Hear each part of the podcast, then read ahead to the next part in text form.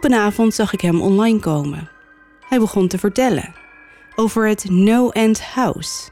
Het heet zo omdat niemand ooit de uitgang heeft gevonden. Als je erin gaat, zijn er een paar eenvoudige regels. Bereik de laatste kamer van het gebouw en je wint 500 dollar. Een paar uur later belt Cindy bij een vreemde aan. Ze is zwaar gewond. Er zijn zwarte nylon kousen om haar nek geknoopt. En zodra de deur open gaat, zakt ze in elkaar. Als ze later bijkomt, vertelt ze dat er tijdens haar wandeling met Heidi een groen busje naast haar was gestopt. De man vraagt haar de weg en dat is het laatste wat ze zich kan herinneren.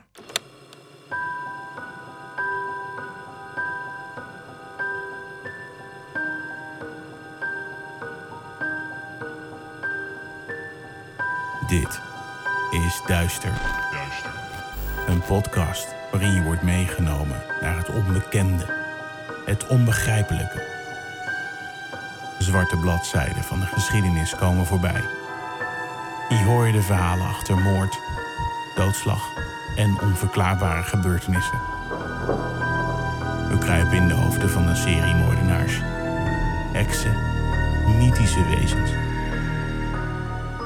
Luister. En huiver naar duister.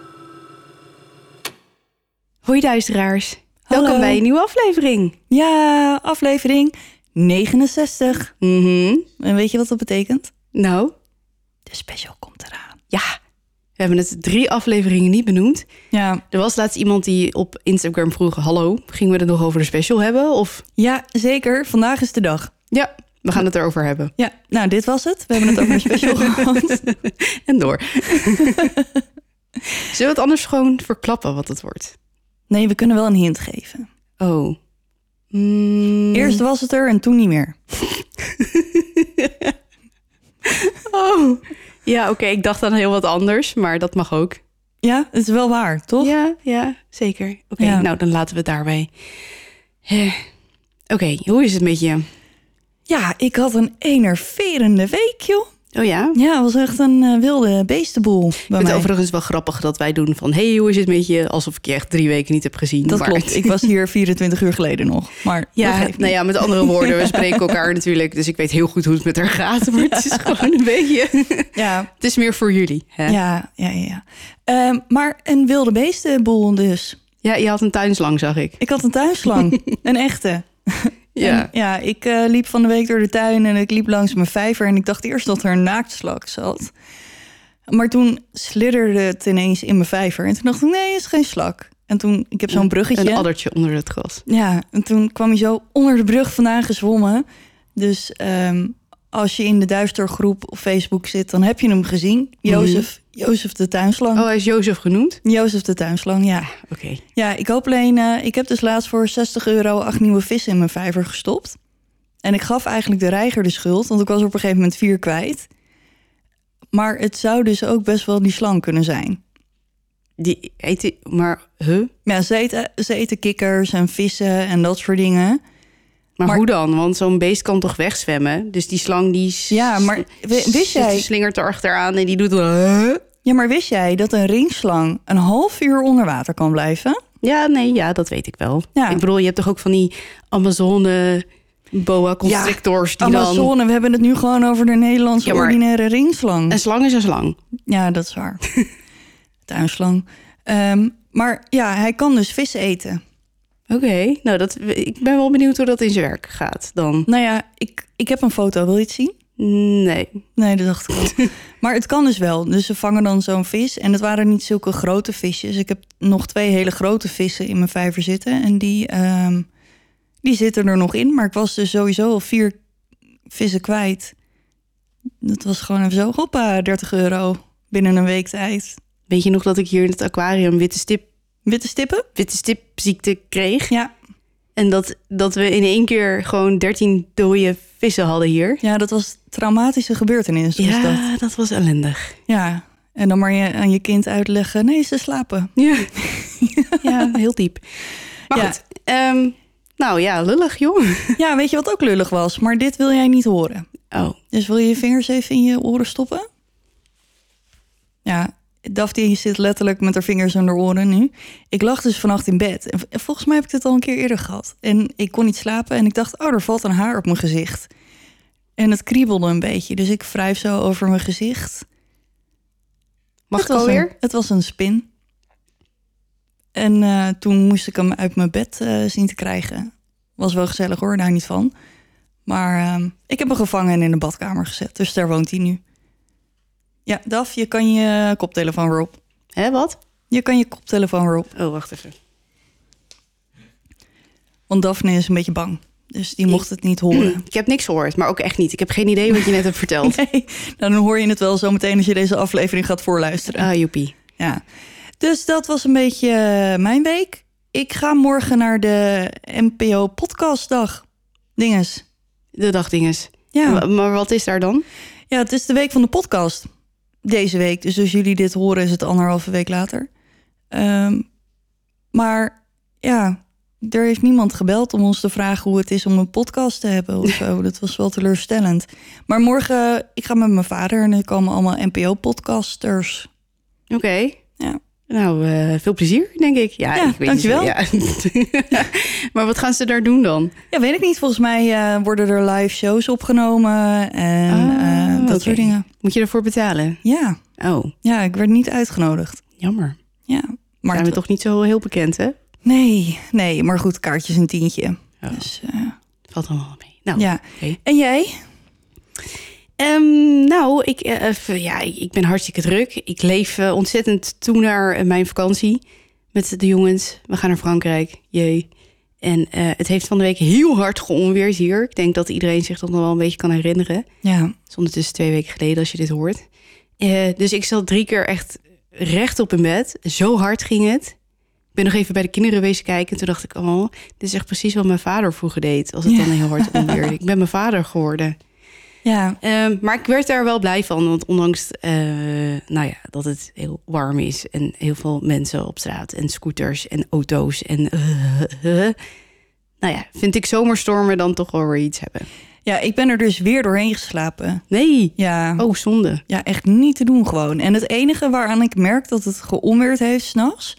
is als ik mijn slaapkamer uitloop en de hond staat op de gang. Oh, Want die komt altijd naar boven als het onweert. in paniek. En dan denk ik, nou, dat heb ik dan weer gemist. Nou, ik heb het niet gemist. Het ging echt hard, jongen. Ja, ik geloof je. Ik eh niks van gemerkt. Goed. Oké. Oh, Dat zeiden wij. eh, ja, nou, ja we- want wij weten wat we gaan zeggen natuurlijk. ja. Eh, want wij gaan namelijk niet naar ons sponsormomentje, maar we hebben wel een andere mededeling. We hebben besloten om een zomerstop in te lassen. Ja, En we weten dat dat voor heel veel van jullie eh, dat echt niet zulk leuk nieuws is, omdat jullie altijd naar onze afleveringen uitkijken. Eh, maar het is jullie waarschijnlijk al opgevallen dat DAF tegenwoordig iedere aflevering begint met: Ja, ik ben echt heel druk. En mijn werk en mijn kinderen en mijn man. En het is echt heel druk. ja. Ja, het spook die is nu, eh, die is nu Beledigd. beledigd. Ehm, maar het is gewoon de afgelopen tijd echt enorm druk geweest. En ja, we zijn wel een beetje toe aan vakantie. En we zijn 7 september weer terug. Jammer, Nick. Ja, jammer, Nick.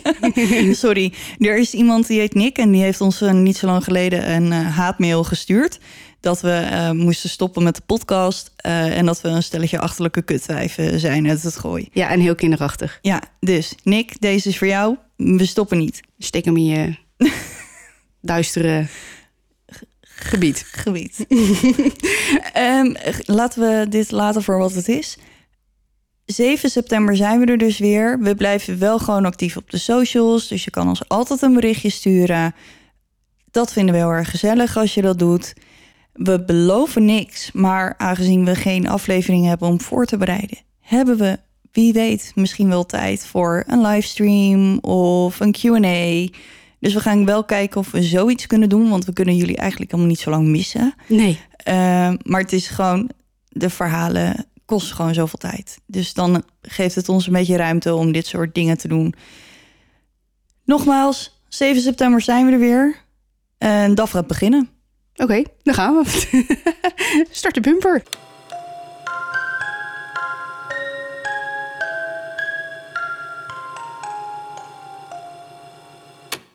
Goed, omdat ik toch wel wat verzoekjes kreeg om weer eens een enge te doen, heb ik besloten om voor deze laatste aflevering voor de zomerstop een uh, creepypasta te vertellen. Oeh. Ja, ik ga ook helemaal niks vertellen. Ik ga gewoon beginnen. Oké. Laat ik beginnen met te zeggen dat Peter Terry verslaafd is aan heroïne. We waren al vrienden op de universiteit en dat zijn we nu nog na mijn afstuderen. Mijn afstuderen, ja. Hij stopte er na amper twee jaar mee. Nadat ik van een campus was verhuisd en in een klein appartement was getrokken, zag ik Pieter niet zo vaak meer. Nu spreken we elkaar af en toe online via AIM, een soort chatbox. Maar er gaan periodes voorbij waarin hij wel eens langer dan vijf weken niet online komt. Ik maak me er nooit zorgen om, ondanks hij een behoorlijk beruchte gok- en drugsverslaafde is. Maar goed, ik eh, merk aan hem dat hij er steeds minder om geeft.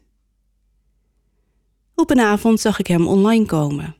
Voordat ik een gesprek kon beginnen, stuurde hij me een bericht. David, man, we moeten praten. Hij begon te vertellen over het No-End House. Het heet zo omdat niemand ooit de uitgang heeft gevonden. Als je erin gaat, zijn er een paar eenvoudige regels. Bereik de laatste kamer van het gebouw en je wint 500 dollar. Er zijn in totaal negen kamers en het huis bevindt zich net buiten de stad. Eigenlijk maar zo'n 6 kilometer van mijn huis. Maar goed, blijkbaar had Pieter het geprobeerd en was gefaald. Hij is een heroïne en weet ik veel wat nog meer verslaafde, dus laat me raden. De drugs zal hem wel te pakken hebben gekregen en hij zal zich wel een geest verbeeld hebben of zoiets. Hij vertelde me dat het voor iedereen te veel zou zijn, dat het onnatuurlijk was. Ik geloofde hem niet, vond het onzin, dacht dat de drugs hem eindelijk te veel was geworden. Toch zei ik tegen hem dat ik er de volgende avond heen zou gaan. Hij heeft geprobeerd me ervan te weerhouden, maar die 500 dollar klinkt te mooi om waar te zijn. Ik moet gewoon gaan. Ik vertrek vanavond.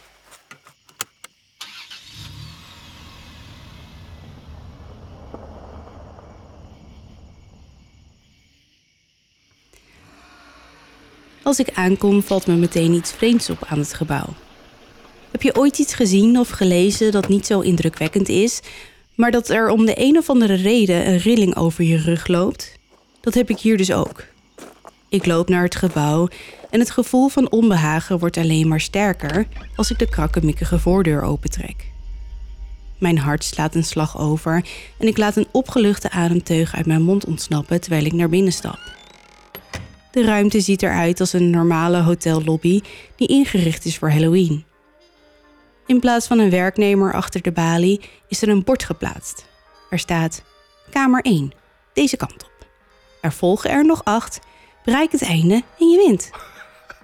Ik grinnik en loop naar de eerste deur. De eerste kamer is bijna lachwekkend. Het decor waar ik langs loop lijkt op dat van een Halloween-gangpad van een speelgoedwinkel, compleet met spoken van lakens en animatronische zombies die een lachwekkend gejammer laten horen. Aan het einde van de kamer is een deur te zien. De enige deur naast degene waardoor ik ben binnengekomen. Ik waad door de nepspinnenwebben en loop naar de tweede kamer. Ik word begroet door mist terwijl ik de tweede kamer instap. Hier ligt de lat in ieder geval hoger op het gebied van technologie. Er is niet alleen een rookmachine, er hangt een vleermuis aan het plafond die in een cirkel rondvliegt. Ik zie alleen geen touwtje. Hm, eng. Ze lijken een Halloween-soundtrack gebruikt te hebben die je ergens in een goedkope winkel zou vinden.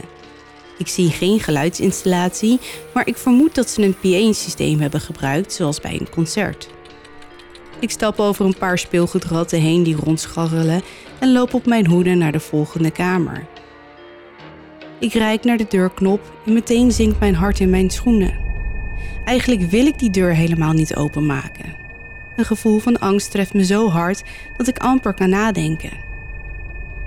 Na een paar minuten kan ik het nare gevoel van me afschudden.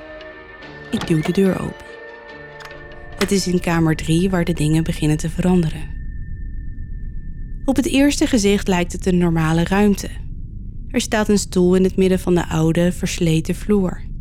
In een hoek staat een enkele lamp die een gelige gloed verspreidt en schaduwen werpt op de muren en de grond.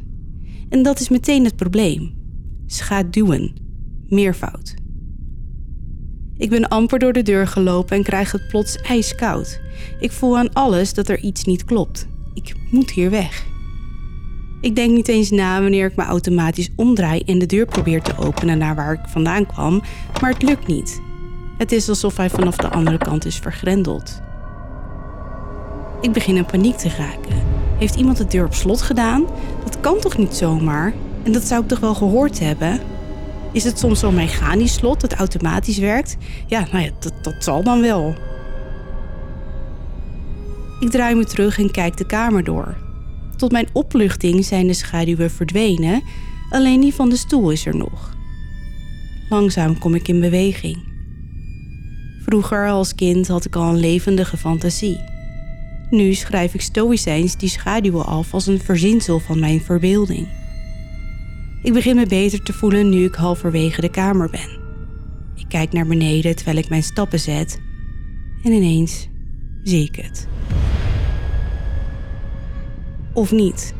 Ik zie het juist niet. Mijn schaduw is er niet. Ik neem niet eens de tijd om te schreeuwen. Ik ren zo snel als ik kan naar de andere deur en werp mezelf zonder na te denken de volgende kamer in. De vierde kamer is misschien wel de meest verontrustende. Terwijl ik de deur sluit, lijkt het alsof al het licht de kamer uitgezogen wordt. Ik sta daar maar, omgeven door duisternis, niet in staat om me te bewegen. Ik ben niet bang in het donker en ik ben dat ook nooit geweest, maar nu ben ik absoluut doodsbang. Alle zicht heeft me verlaten. Ik hou mijn hand voor mijn gezicht, maar ik heb geen idee of ik het echt doe of alleen maar denk dat ik het doe. De duisternis is te zwart, te zwaar. Ik kan niets horen. Er is een doodstilte, alsof je in een geluiddichte ruimte bent. Ik hoor alleen mezelf nog ademen. Op dat moment besluit ik dat het te veel is. Dit kan ik niet. Ik begin naar voren te strompelen. Mijn snel kloppende hart het enige wat ik kan voelen. Er is geen deur in zicht. Ik weet niet eens zeker of er deze keer wel één is. Plotseling wordt de stilte verbroken door een zacht gezoem. Ik voel iets achter me en draai me wild om, maar natuurlijk zie ik geen moer. Ik weet dat er iets is. Het gezoem wordt luider, komt dichterbij. Het lijkt me te omringen, maar ik weet dat waardoor het geluid veroorzaakt wordt, zich vlak voor me bevindt en dichterbij komt. Ik doe juist een stap achteruit. Ik heb nog nooit zo'n angst gevoeld. Deze angst kan ik niet eens beschrijven. Niet dat ik bang ben dat ik dood zal gaan, ik ben eerder bang voor wat het alternatief is. Ik vrees voor wat het ding voor mij in petto heeft. Plotseling flitsen de lichten heel even en zie ik het. Niks, hou ik mezelf voor. Het is niet echt. Ik zie niets en ik weet dat ik daarnet helemaal niks zag. Opnieuw word ik in duisternis gedompeld en ineens wordt het gezoem een wild gegrijs. Ik schreeuw uit protest en maak een sprong achteruit, weg van het lawaai. Daarna maak ik een rare beweging en tast naar de deurklink. Ik draai hem om en val plom verloren in kamer 5.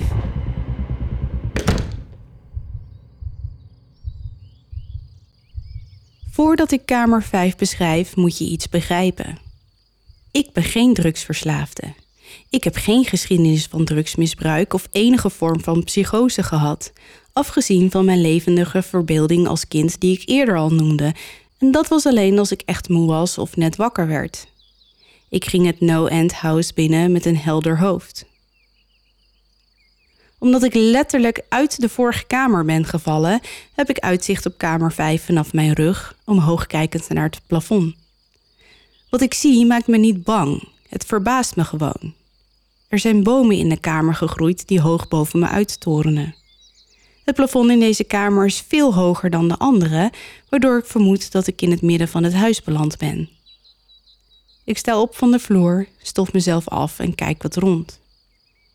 Deze ruimte is zeker de grootste van allemaal. Ik kan de deur niet eens zien van waar ik sta. Verschillend struikgewas en een paar bomen blokkeren mijn zicht op de uitgang.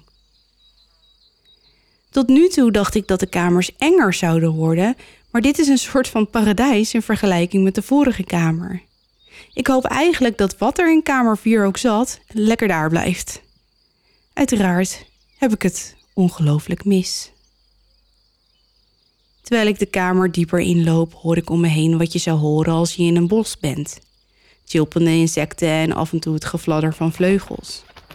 Meer gezelschap dan dat lijkt ik niet te hebben en dat is ook meteen hetgene wat mij het meeste stoort.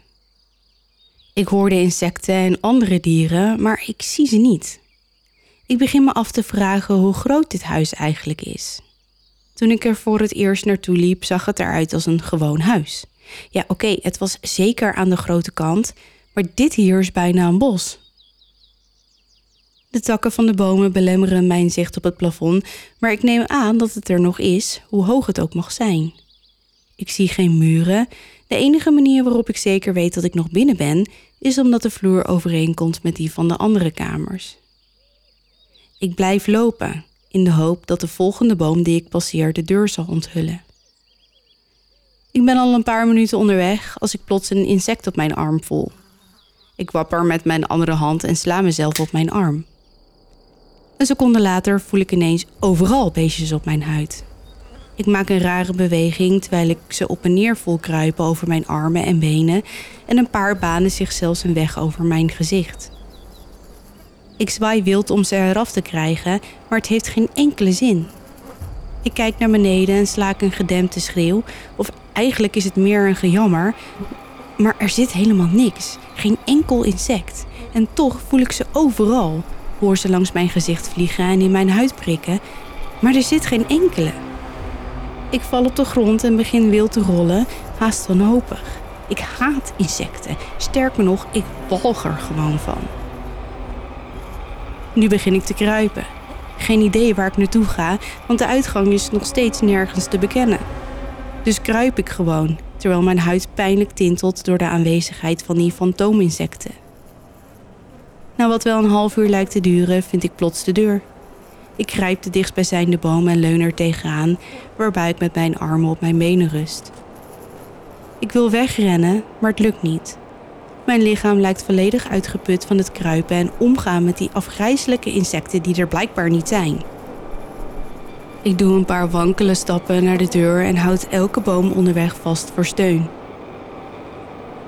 Het is nog maar een paar meter tot de deur als ik het hoor. Het gezoem is terug. Het komt uit de volgende kamer en ditmaal klinkt het nog dieper. Ik kan het bijna in mijn lichaam voelen. Het is een beetje alsof ik bij een concert naast een speaker sta. Het gevoel van de beestjes op mijn huid merk ik al bijna niet meer op, naarmate het gezoem intenser wordt. Ik leg mijn hand op de deurknop en nu zijn de insecten helemaal verdwenen. Ik staar naar mijn hand, maar ik kan mezelf er niet toe brengen om de knop om te draaien. Ik weet dat als ik loslaat, de beestjes zullen terugkeren en dat ik op geen enkele manier terug kan naar kamer 4. Ik sta daar maar, met mijn hoofd tegen de deur gedrukt met het nummer 6 erop. Het gezoem is nu zo luid dat ik mezelf niet eens kan horen nadenken. Ik weet dat ik niets anders kan doen dan verder gaan. Kamer 6 is de volgende. En kamer 6 blijkt de hel. Ik doe zachtjes de deur achter me dicht, alsof ik hetgene in de kamer niet wil storen. Mijn ogen moeten wennen aan het weinige licht en mijn oren suizen. Het gezoem is nu overal om me heen. Maar nu ik de deur in het slot duw, is het gezoem plots verdwenen. Verbaasd knipper ik met mijn ogen en de deur die ik net nog vast had, is verdwenen. Gewoon voetzie. Nu is het gewoon een muur. Geschokt kijk ik om me heen. Kamer 6 blijkt identiek aan kamer 3. Dezelfde stoel en lamp, maar deze keer met de juiste hoeveelheid schaduwen. Het enige echte verschil is, is dat ik geen uitgang zie en degene waar ik net doorheen ben gekomen is verdwenen. Zoals ik al eerder zei, ik heb geen mentale problemen. Ik besluit niet te schreeuwen, ik maak zelfs geen enkel geluid. Met mijn vingers ga ik de muren langs. Ik weet dat die verdomde deur ergens moet zijn. Ik voel het gewoon. Verwoed klauw ik mijn nagels in de muur op zoek naar een naad of een kier. Plots geef ik het op en val stilletjes op mijn knieën. Het enige geluid in de kamer klinkt alsof iemand met zijn nagels over de muren krast. Ik weet dat die deur er is. Dat moet wel. Gaat het wel goed? Ik vlieg overeind en draai me in één beweging om. Ik leun hijgend tegen de muur achter me en zie meteen wie er tegen me sprak. Tot op de dag van vandaag heb ik er spijt van dat ik me heb omgedraaid. Er staat een klein meisje. Ze draagt een witte jurk die tot haar enkels komt. Ze heeft lang blond haar tot halverwege haar rug en een blanke huid en blauwe ogen. Ze is het meest angstaanjagende ding dat ik ooit heb gezien en ik weet dat geen enkele situatie in mijn leven ooit zo zenuwslopend zal zijn als wat er nu voor me staat. Terwijl ik naar haar kijk, valt me iets op. Precies daar waar ze staat, zie ik iets dat lijkt op het lichaam van een man. Alleen groter dan normaal en bedekt met een soort vacht. Hij is naakt van top tot teen, maar zijn hoofd is absoluut niet menselijk en zijn tenen zijn hoeven. De man is niet de duivel, maar menselijk is hij ook niet. Hij heeft de kop van een ram en de snuit als die van een wolf. Het ziet er afschuwelijk uit. De man en het meisje zijn eigenlijk dezelfde. Ik kan het niet echt beschrijven, maar ik zie ze tegelijkertijd. Ze delen dezelfde plek in de kamer, maar het is alsof je naar twee verschillende dimensies kijkt. Als ik naar het meisje kijk, zie ik de vormen van de man, en als ik naar de man kijk, zie ik het silhouet van het meisje. Ik kan niet eens praten. Mijn geest weigert te geloven wat mijn ogen zien. Ik probeer het alle macht te verwerken wat er gebeurt. Ik ben wel eens eerder in mijn leven bang geweest, maar ik moet zeggen dat ik toen ik opgesloten zat in de vierde kamer, ik dacht dat dat het ergste was wat me ooit zou overkomen, maar dat was voor kamer 6. Ik sta dan maar te staren naar wat het ook is dat tegen me praat en ineens realiseer ik het me. Er is geen uitgang. Ik zit hier opgesloten. David, je had moeten luisteren. Ik hoor de woorden van het kleine meisje, maar het is de stem van de man die ik in mijn hoofd hoor. Het is het meest afgrijzelijke geluid dat ik ooit heb gehoord. De stem blijft steeds maar die ene zin herhaling. Je had moeten luisteren, je had moeten luisteren. En ik weet niet meer wat ik moet doen. Ik voel dat ik wegglij in waanzin, maar ik kan mijn ogen niet afhouden van wat er voor me staat. Ik val weer op de grond. Even denk ik dat ik flauw gevallen ben, maar de kamer staat me dat niet toe. De kamer dwingt me bij bewustzijn te blijven. Ik wil gewoon dat het stopt. Tering, laat het alsjeblieft stoppen. Ik lig op mijn zij, mijn ogen wijd open en het meisje en de man staren op me neer. Voor mijn neus rent een van de op batterijen werkende ratten uit de tweede kamer over de vloer. Het huis speelt met me, maar om de een of andere reden brengt het zien van die rat me terug bij mijn positieve, sleurt mijn gedachten uit dat diepe dal en ik kijk de kamer rond. Ik moet hier weg. Plots ben ik vastbesloten om uit dit klote huis te komen en mijn leven lang nooit meer aan deze plek te denken. Ik weet dat deze kamer de hel is en ik ben er niet klaar voor om hier te blijven. Met mijn ogen scan ik de ruimte, speur de muren af op zoek naar een opening de kamer is niet zo groot, dus het duurt niet lang om de hele indeling in me op te nemen. De demon beschimpt me nog steeds en de stem wordt alsmaar luider. Ik leg mijn hand op de grond, duw mezelf omhoog en draai me om naar de muur achter me. Onmiddellijk voel ik de demon vlak achter me en hoor hem in mijn hoofd fluisteren. Ik voel zijn adem in mijn nek, maar ik weiger me om te draaien. Voor me zie ik een grote rechthoek in het hout gekrast met een kleine deuk in het midden ervan. Het is een 7. Ineens begrijp ik het. Kamer 7 zit aan de andere kant van de muur, waar kamer 5 net zat. Ik weet niet hoe ik het heb gedaan. Misschien was het mijn gemoedstoestand op dat moment. Maar ik realiseer me dat ik de deur heb gemaakt. Ik was het zelf. In mijn waanzin heb ik in de muur gekrast wat ik het meeste nodig had een uitgang naar de volgende kamer. Kamer 7 is nu zo dichtbij.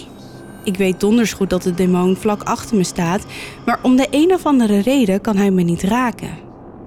Ik sluit mijn ogen en leg mijn beide handen op de grote zeven voor me. Ik duw. Ik duw zo hard als ik kan. De demon schreeuwt nu in mijn oor. Hij vertelt me dat ik nooit weg zal gaan. Zegt me dat dit het einde is, maar dat ik niet zal sterven. Ik zal voor altijd in kamer 6 wonen, voor altijd in de hel. Ik knijp mijn ogen dicht en schreeuw en duw met al mijn kracht tegen de deur.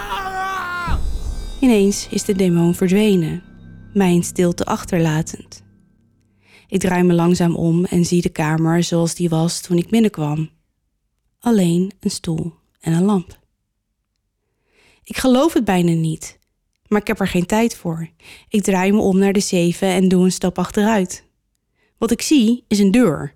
Het is niet de deur die ik heb ingekrast, maar een gewone deur met een gewone zeven erop. Mijn hele lichaam begint te beven en het duurt even voordat ik de knop omdraai. Al die tijd sta ik daar, starend naar de deur. Ik kan niet in kamer 6 blijven. Ik kan het niet, echt niet. Maar als dit maar kamer 6 was, dan kan ik me niet voorstellen wat kamer 7 voor me in petto heeft. Ik moet daar wel een uur hebben gestaan, al mijn opties overwegend, starend naar die zeven. Uiteindelijk draai ik met een diepe zucht aan de knop en open de deur naar de volgende kamer. Ik strompel mentaal uitgeput en zo slap als een vaatdoek naar binnen. De deur valt achter me dicht en ik realiseer me waar ik ben. Ik ben buiten. Niet buiten zoals kamer 5, maar echt buiten. Mijn ogen prikken. Ik wil alleen maar huilen. Ik val op mijn knieën en probeer het, maar het lukt niet. Ik voel een intense opluchting. Eindelijk ben ik uit die hel. Die beloofde prijs? Ja, nou, die interesseert me geen reet meer. Ik draai me om om naar het huis te kijken en ik zie de deur waar ik zojuist doorheen gekomen ben ook de ingang is. Ik loop naar mijn auto en rijd naar huis, denkend aan hoe fijn een douche nu klinkt. Ik voel me ongemakkelijk terwijl ik de auto parkeer. Ik ben blij dat ik uit het no-end house ben, maar toch bouwt de angst zich langzaam op in mijn maag. Ik schud het restant van het huis van me af en loop naar mijn voordeur. Ik ga naar binnen en steep mezelf meteen naar mijn kamer. Daar op mijn bed ligt mijn kat, Baskerville. Hij is het eerste levende wezen dat ik de hele nacht heb gezien en ik reik naar hem om hem te aaien. Hij sist en haal uit naar mijn hand. Ik deins geschokt terug, want dat heeft hij nog nooit gedaan. Ik laat het erbij en stap onder de douche, in de verwachting dat ik een slapeloze nacht tegemoet zal gaan. Na het douchen loop ik naar de keuken om iets te eten te maken. Ik slenter de trap af en ga de woonkamer binnen, maar wat ik nu zie zal voor altijd op mijn netvlies gebrand staan. Mijn ouders liggen op de grond, naakt en onder het bloed. Ze zijn tot bijna onherkenbaar verminkt. Hun ledematen zitten nog maar amper vast aan hun lichaam, hun hoofden los op hun borst. Maar het meest afgrijzelijke is hun uitdrukking. Ze glimlachen, alsof ze blij zijn me te zien. Ik geef over en barst in snikken uit, daar in de woonkamer. Ik weet niet wat er is gebeurd. Hoe komen ze hier? Ze wonen niet eens bij mij. Ik stort volledig in. En dan zie ik het. Een deur die er nooit is geweest. Een deur met een grote acht van bloed erop. Ik ben dus nog in het huis. Ik sta in mijn woonkamer, maar ik ben in kamer 7. De glimlach van mijn ouders wordt breder wanneer het besef me keihard raakt. Het kunnen mijn ouders niet zijn, maar ze lijken precies op hen. De deur met het nummer achterop is echter aan de andere kant van de kamer, voorbij de verminkte lichamen voor me. Ik weet dat ik verder moet, maar op dat moment geeft mijn geest het gewoon weg op. De lachende gezichten scheuren mijn ziel in tweeën. Het huis heeft me eindelijk te pakken. Ik braak opnieuw en stort op de grond. Plots is daar het gezoem terug. Het klinkt luider dan ooit en vult het huis en laat het schudden op zijn grondvesten. Het dwingt me om op te staan. Ik hijs mezelf omhoog. Langzaam begin ik te lopen en kom dichter bij de deur en de lichamen. De muren trillen nu zo hard dat het lijkt alsof ze gaan afbrokkelen, maar toch ga ik door. Ik probeer naar de acht op de deur te kijken, maar mijn blik wordt naar beneden getrokken en ik zie de glimlachende gezichten van mijn ouders. Hun ogen volgen me bij iedere stap die ik zet. Ik bevind me nu recht tussen de twee lichamen, op een paar meter afstand van de deur. Vanuit mijn ooghoek zie ik iets bewegen. De uiteengereten handen van mijn moeder zijn in beweging gekomen en klauwen zich een weg over het tapijt naar mij toe. Een nieuwe golf van angst overspoelt me en ik loop sneller. Ik wil ze niet horen praten. Ik wil niet dat de stemmen overeenkomen met die van mijn ouders. Ze beginnen hun mond te openen en de handen zijn nog maar een paar centimeters van mijn voeten verwijderd. In een vlaag van wanhoop spring ik naar de deur, gooi hem open en sla hem achter me dicht. Kamer 8. Ik ben er klaar mee. Na wat ik zojuist heb meegemaakt, weet ik dat er niets anders op zit dan om dit verdomde huis zijn zin te geven. Het kan toch niet erger dan dit, bedenk ik me. Natuurlijk heb ik de mogelijkheden van No End House compleet onderschat. Deze nieuwe kamer is een kopie van kamer 3 en 6, maar in de gewoonlijk lege stoel zit nu een man. Na een paar seconden van ongeloof accepteert mijn geest eindelijk het feit dat ik het ben die in de stoel zit. Niet iemand die op mij lijkt. Nee, ik. Ik. David Williams. Langzaam kom ik dichterbij. Ik moet kijken, ook al weet ik het absoluut zeker. Hij kijkt me aan en ik zie tranen in zijn ogen. Alsjeblieft, alsjeblieft, doe het niet. Alsjeblieft, doe me geen pijn. Wat? zeg ik. Wie ben jij? Ik krijg geen pijn doen. Ja, dat doe je wel. Hij snikte nu. Je gaat me pijn doen. Ik wil niet dat je dat doet. Hij zit in de stoel met zijn benen opgetrokken en begint heen en weer te wiegen. Het ziet er eigenlijk best zielig uit. Vooral omdat hij mij is. In alle opzichten identiek. Eh, luister, wie ben jij? Ik ben nu nog maar een paar meter van mijn dubbelganger verwijderd.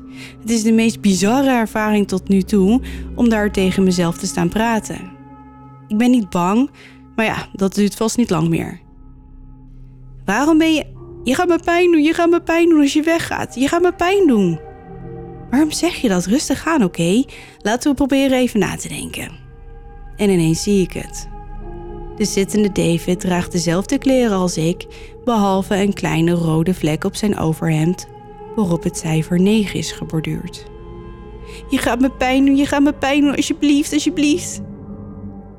Mijn ogen laten dat kleine getal niet los. Ik weet precies wat het is. De eerste paar deuren waren eigenlijk best eenvoudig, maar hoe dieper ik het huis in ging, hoe dubbelzinniger ze werden. De zeven was in de muur gekrast, maar door mijn eigen handen. Acht was gemarkeerd in bloed boven de lichamen van mijn ouders, maar negen, dit nummer hoort bij een persoon, een levend persoon. Erger nog, het is een persoon die precies op mij lijkt. David? vraag ik. Ja, ga je me pijn doen? Je gaat me pijn doen, hè? Hij blijft maar snikken en wiegen. Oké, hij reageert dus op zijn naam, David. Hij is echt mij, tot zijn stem aan toe. Maar die negen. Ik ijsbeer een paar minuten rond terwijl hij snikt en snottert in zijn stoel. Uiteraard heeft de kamer geen deur en, net als kamer 6, is de deur waar ik doorheen gekomen ben verdwenen. Om de een of andere reden ga ik ervan uit dat krabben in de muur me deze keer nergens zal brengen. Ik bestudeer de muren en de vloer rond de stoel, steek mijn hoofd eronder en kijk of ik iets zie. Onder de stoel zit iets vastgeplakt. Ik trek eraan en wiebel om het los te krijgen. Tot mijn verbazing is het een mes. Erop staat voor David van het management. Het heeft iets sinisters. Ik ben weer misselijk en het laatste wat ik wil is dat mes onder die stoel vandaan halen. De andere David snikt nog steeds onbedaarlijk. Mijn geest duizelt van de onbeantwoorde vragen. Wie heeft dit hier geplaatst en hoe komen ze aan mijn naam? Om nog maar te zwijgen van het feit dat ik, terwijl ik op de koude houten vloer zit, ook in die stoel zit te snikken uit protest dat ik mezelf heb pijn gedaan. Het is allemaal te veel om te verwerken. Het huis en het management spelen dus al al die tijd met mij. Mijn gedachten gaan om de een of andere reden naar Pieter en de vraag of hij net zo ver gekomen is als ik. Zou hij dan ook zijn snikkende zelf ontmoet hebben, heen en weer wiegend? Ik schud die gedachte van me af. Het doet er niet toe. Ik pak het mes onder de stoel vandaan En meteen wordt de andere David stil. David, zegt hij met mijn stem, wat denk je dat je daarmee gaat doen? Ik hijs mezelf omhoog en klem het mes in mijn hand. Ik ga hier weg. De andere David zit nog steeds in de stoel, hoewel hij nu heel kalm is. Hij kijkt me met een lichte grijs aan. Ik weet niet of hij gaat lachen of dat hij me gaat wurgen. Langzaam staat hij op van de stoel en komt op me af.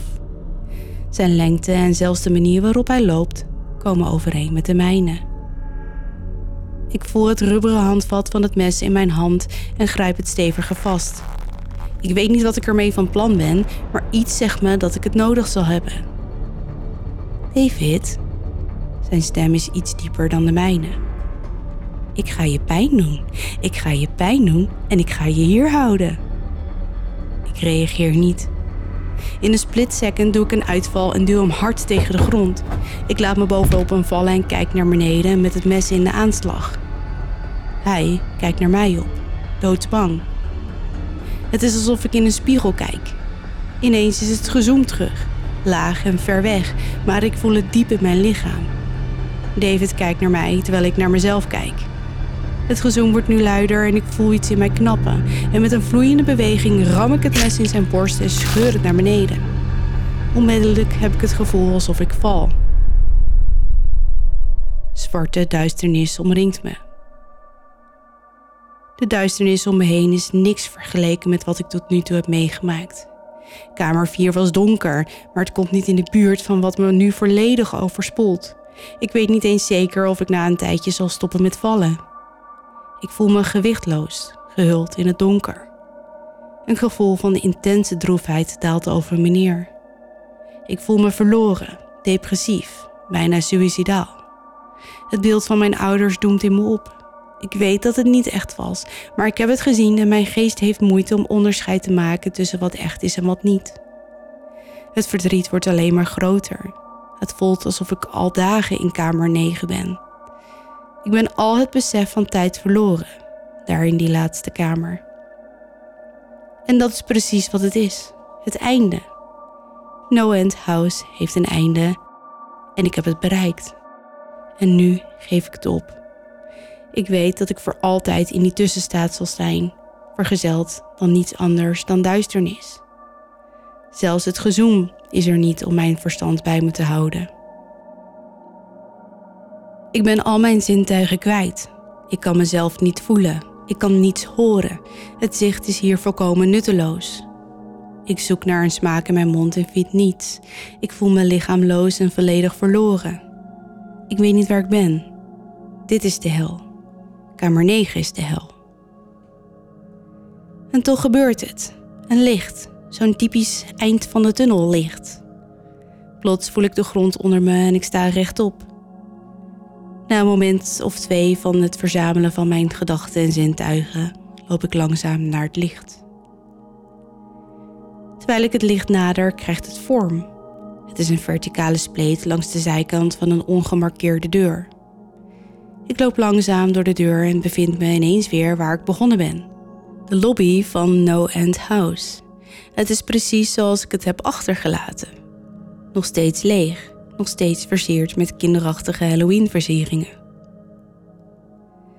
Na alles wat er deze nacht gebeurd is, ben ik nog steeds op mijn hoede. Na een paar minuten waarin er niks gebeurt, kijk ik rond in de kamer. Op het bureau ligt een witte envelop met mijn naam erop geschreven.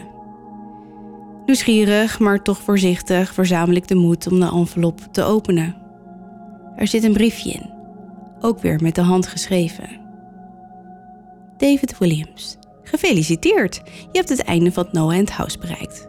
Accepteer deze prijs als een blijk van grote prestatie. Voor altijd de jouwe, het management. In de envelop zitten vijf briefjes van 100 dollar. Ik schiet in de lach. Ik lach tot de tranen over mijn wangen lopen. Ik lach nog steeds terwijl ik naar mijn auto loop en lach wanneer ik naar huis rijd. Ik giechel als ik de oprit oprij, maar ik moet toch weer lachen als ik naar de voordeur loop. Ik hou abrupt op als ik een kleine tien in het hout gekrast zie. En dat is het einde van dit verhaal. Nee, Daphne, dat kan niet. Jawel. Nee, dat kan niet. Dit was het. Nee, nee, nee, nee, nee, Ja, ja, ja, ja, ja. nee. Ja. Dit kan toch niet? nou ja, dit is het. Maar ik zat er helemaal in. Ik Ja. dacht dat je... Hmm. Ik, ja, sorry, dit is het. Ik weet ook niet hoe de schrijver... Ja, het is een open einde, zoals ze dat noemen. Hmm. Maar de vraag is natuurlijk... Komt hij er ook nog uit? Of, Ja, of wat zit er in kamer 10? ja, En wat gebeurt er met zijn kat? ja, geen idee.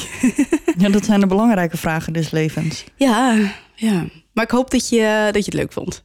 Ja, ik vond het erg eh, spannend. Goed zo. Dat was precies de bedoeling. Ja, maar je zag waarschijnlijk ook al... Ik zat echt gewoon een beetje, ja, een beetje voor je uitstaren. Ik was helemaal... Ik zat er helemaal in. Dus nou ja, dat. Ik moest een beetje denken aan eh, Stranger Things en uh, Upside Down. Die heb jij niet gekeken. Nee. Stomme. Ik heb zelfs het spook nu echt helemaal erin gesleurd in het nieuwe seizoen. Hij, ik zat de laatste aflevering te kijken en ik zat hier echt met hard. Oh mijn god, wat is, oh, dit, is, het einde. En oh mijn god, wat gebeurt er? En, oh, eh. en hij zat echt de laatste tien minuten. Oké, ja, wat gebeurt daar dan? Ja, wat is daar dan gebeurd? En wie is hij? Ik zeg, eh, wacht even, jij. Als jij, als jij maar al die vragen gaat stellen, dan gaan we vanaf aflevering 1 kijken, maat. En hij was echt drie afleveringen verder. En die zit, schat, kunnen we vanavond één aflevering van Stranger Things kijken? dus hij zit er helemaal in. Eindelijk, na vijf, zes jaar of zo. Dus nou ja, ik, het, iedereen die nog niet Stranger Things heeft gekeken, duizenderaars. Ik haat je als je het nog niet hebt gedaan. Nou zeg. Oké, sorry. Nee, dat niet. Ga het doen wel. Oké, nou ja, ik was dus... Maar ik ben weer in een of ander YouTube-kanaal gevallen... ehm, met bodycam footage van Amerikaanse politie. Het zijn echt hele heftige beelden. Want er wordt nogal vaak iemand neergeschoten. Jezus. Ja, maar wel interessant. Dus daar ben ik nu druk mee. En hoe heet het voor eh, als er mensen zijn die daar ook interesse in hebben? Eh, police activity of zo? Ik zoek het even op. Het klinkt helemaal niet. eh, heel, nou oké, laat maar. Goed, we gaan gauw door naar jouw verhaal. Want Ja. ik ben alweer heel lang aan het woord. Mijn stem begint te kraken. Ja, ik zoek het even op en dan ga ik aan mijn verhaal beginnen. Ja, je hebt zes seconden de tijd. Go.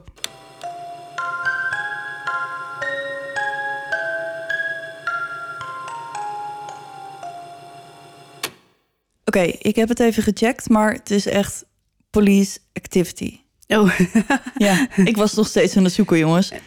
Maar ik heb het gevonden. In deze aflevering gaan we weer naar Canada voor de zaak van Cindy James. Cynthia Elizabeth Hack wordt geboren op 12 juni 1944 in Oliver, British Columbia. Haar ouders, Otto en Tilly, noemden haar Cindy. Cindy is de oudste van zes kinderen, druk bol daar, en het gezin is heel hecht. Otto Hack is een kolonel in het leger en hij neemt zijn werk mee naar huis. Hij is een strenge vader. Cindy's relatie met haar vader is soms wat gespannen, omdat ze hem veel te dominant vindt. Cindy, een slimme jonge meid, heeft grootse plannen. Ze wil naar de universiteit. Haar vader steekt hier echter een stokje voor. Zijn dochter naar de universiteit? Mooi niet. wat is er nou weer mis mee? Vrouwen moeten zich houden aan traditionele rollen, oftewel, vrouwen horen achter het aanrecht. Hou op hoor. Ja, dus hij moedigt haar aan om in plaats van naar de universiteit te gaan, een opleiding tot verpleegkundige te volgen. Eh, ja, want dat mag wel. Ja, want het is zo'n lekker dienstbaar, zorgzaam beroep. Echt zo voor vrouwen. Hmm. Oké. Of zo. Nou ja, ik bedoel, Ik weet niet wat die man dacht. zijn het ook, ook super belangrijk. Dus op zich, Tuurlijk. oké, maar hoezo? eh, Nou ja, oké, laat maar. Tijdens haar studie leert ze de uit Zuid-Afrika afkomstige psychiater Dr. Roy Makepeace kennen. Ondanks het leeftijdsverschil van 18 jaar trouwen Roy en Cindy als ze 19 jaar oud is. Hij is dan dus 37. Voor zover bekend hadden de twee een prima huwelijk. Er waren natuurlijk wel af en toe wat strubbelingen, maar over het algemeen zijn Cindy en Roy erg gelukkig samen. Roy is dol op zeilen, iets waar Cindy helemaal niets mee heeft. Ze is doodsbenauwd om te verdrinken. Dus een dagje op het water is niet iets waar Cindy echt heel erg blij van wordt. Maar ze gaat toch wel af en toe met hem mee. In 1966 behaalt Cindy haar diploma. Ze is nu verpleegkundige gespecialiseerd in kinderverpleging. Ze vindt een baan bij een centrum voor kinderen met gedrags- en of emotionele problemen. Cindy, die zelf geen kinderen heeft, is erg geliefd bij de studenten die in haar zorg zijn toevertrouwd. Ze heeft een lief en zorgzaam karakter. De kinderen zijn graag bij haar in de buurt en haar collega's genieten van haar gezelschap. Ze weten dat ze op haar kunnen rekenen als er nood aan een man is en ze weten ook dat ze zonder morren een tandje extra bijzet als het nodig is. Na 16 jaar huwelijk gaan Roy en Cindy in 1982 uit elkaar. Dit is nogal een verrassing voor de familie en vrienden van Cindy, want die zagen dit helemaal niet aankomen. Er is nooit enige aanleiding geweest om te denken dat er iets niet goed zat in het huwelijk, dus het verbaast ze nogal dat de twee uit elkaar gaan. De scheiding verloopt beschaafd en Roy en Cindy blijven na hun scheiding nog steeds vriendschappelijk met elkaar omgaan. Voor het eerst in Cindy's volwassen leven is ze alleen. Ze betrekt een huisje en stort zich op haar werk en vrienden. In haar vrije tijd is ze graag bezig in de tuin en brengt tijd door met haar hond Heidi. Ze went snel aan haar nieuwe leven en lijkt er content mee te zijn. De toekomst lijkt haar toe te lachen. Wie weet wat het leven haar allemaal zal brengen. Vier maanden na haar scheiding van Roy begint Cindy's leven te veranderen, maar niet ten goede. Ze begint dreigende telefoontjes te krijgen van een anonieme beller. De ene keer hoort ze alleen geheig, andere keren hoort ze een fluisterstem bedreigingen aan haar adres uiten. Op 12 oktober 1982 doet Cindy voor het eerst aangifte bij de politie van de dreigende telefoontjes. Inmiddels blijft het niet alleen bij telefoontjes. Ze meldt ook dat er op een avond iemand rond haar huis sluipt die probeerde via de achterdeur binnen te komen. Dit is niet de laatste keer dat Cindy met de politie spreekt. Er zullen nog vele meldingen volgen. Nog geen drie dagen later doet ze melding van het volgende incident. Ze belt de politie om hen te informeren dat iemand een baksteen door haar keukenraam heeft gegooid. De politie stuurt een patrouillewagen naar het huis van Cindy, maar ze kunnen geen aanwijzing vinden over de identiteit van de stenengooier. In dezelfde week staat Cindy op het punt om in bed te stappen. Ze slaat het dekbed terug en wat dan zichtbaar wordt, bezorgt haar een hartverzakking. Haar kussen is doorgesneden. Het is iemand dus toch gelukt om haar huis binnen te dringen. Ochtends was haar kussen nog heel, dus er moet vandaag bij haar ingebroken zijn. Ze belt de politie en agent Pat McBride van de RCMP, daar heb je ze weer, de Royal Mounted Canadian Police, komt een kijkje nemen. Hij is al eerder bij Cindy langs geweest na een van haar meldingen en hij is in de zaak geïnteresseerd geraakt. Hij denkt dat Roy, Cindy's ex-man, achter de bedreigingen en andere incidenten zit, maar Cindy weigert dat te geloven. Ze heeft Roy gelijk gebeld nadat ze haar kapotte kussen ontdekte en hij was degene die erop aandrong dat ze aangifte moest doen. Cindy, die nog steeds warme gevoelens voor Roy koestert, weigert te geloven dat hij er iets mee te maken heeft. Twee dagen nadat Pat bij Cindy langs is geweest, komt hij bij haar langs om nieuwe sloten op de deuren te installeren. Hij verzekert haar dat ze zo een stuk veiliger is. Ze hoeft zich geen zorgen te maken. Als extra maatregel zal hij haar huis regelmatig in de gaten houden en belooft dat hij dagelijks bij haar langs zal komen om te checken of ze oké is.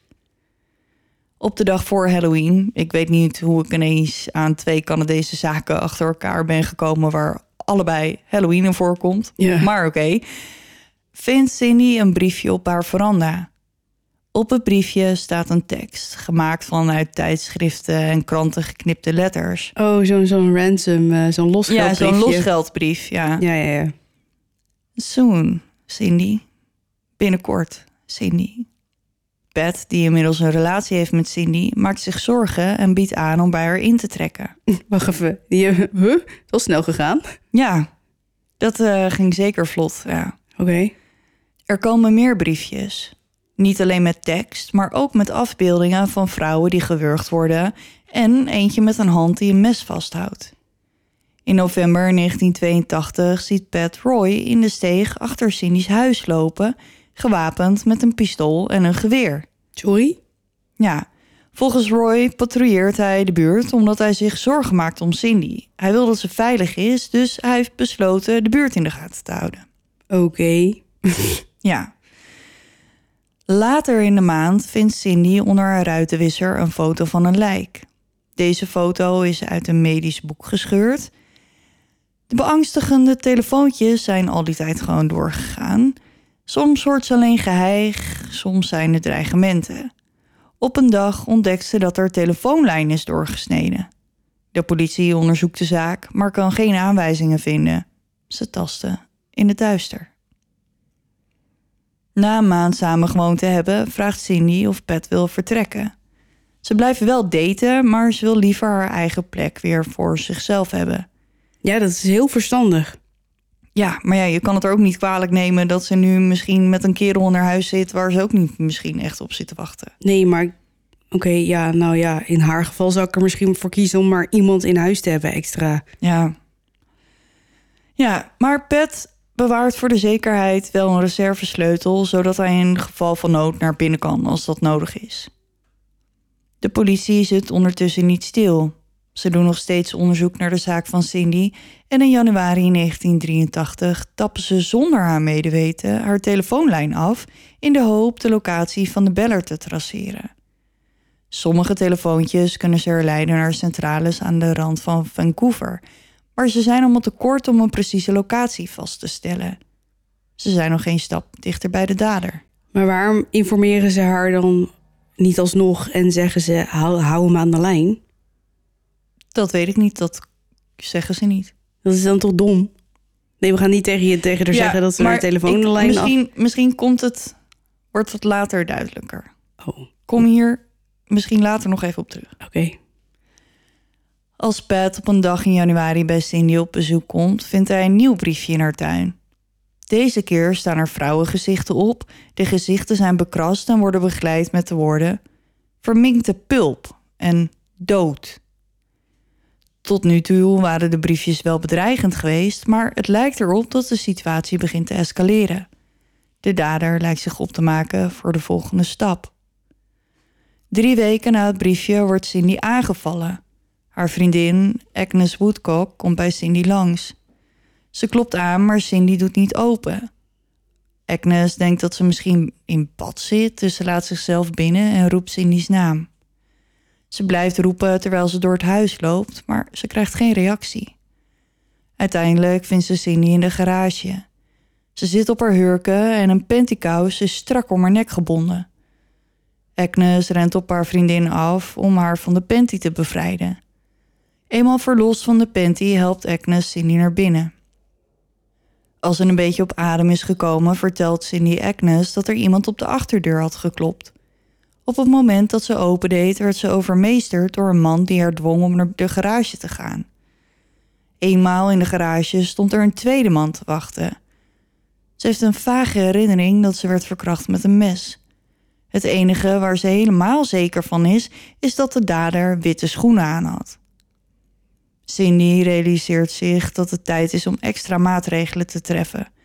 Ze verhuist naar het huis waar ze samen met Roy heeft gewoond voor de scheiding en Roy gaat ergens anders wonen. Ze hebben nog steeds een goede band en Cindy vertrouwt hem volkomen.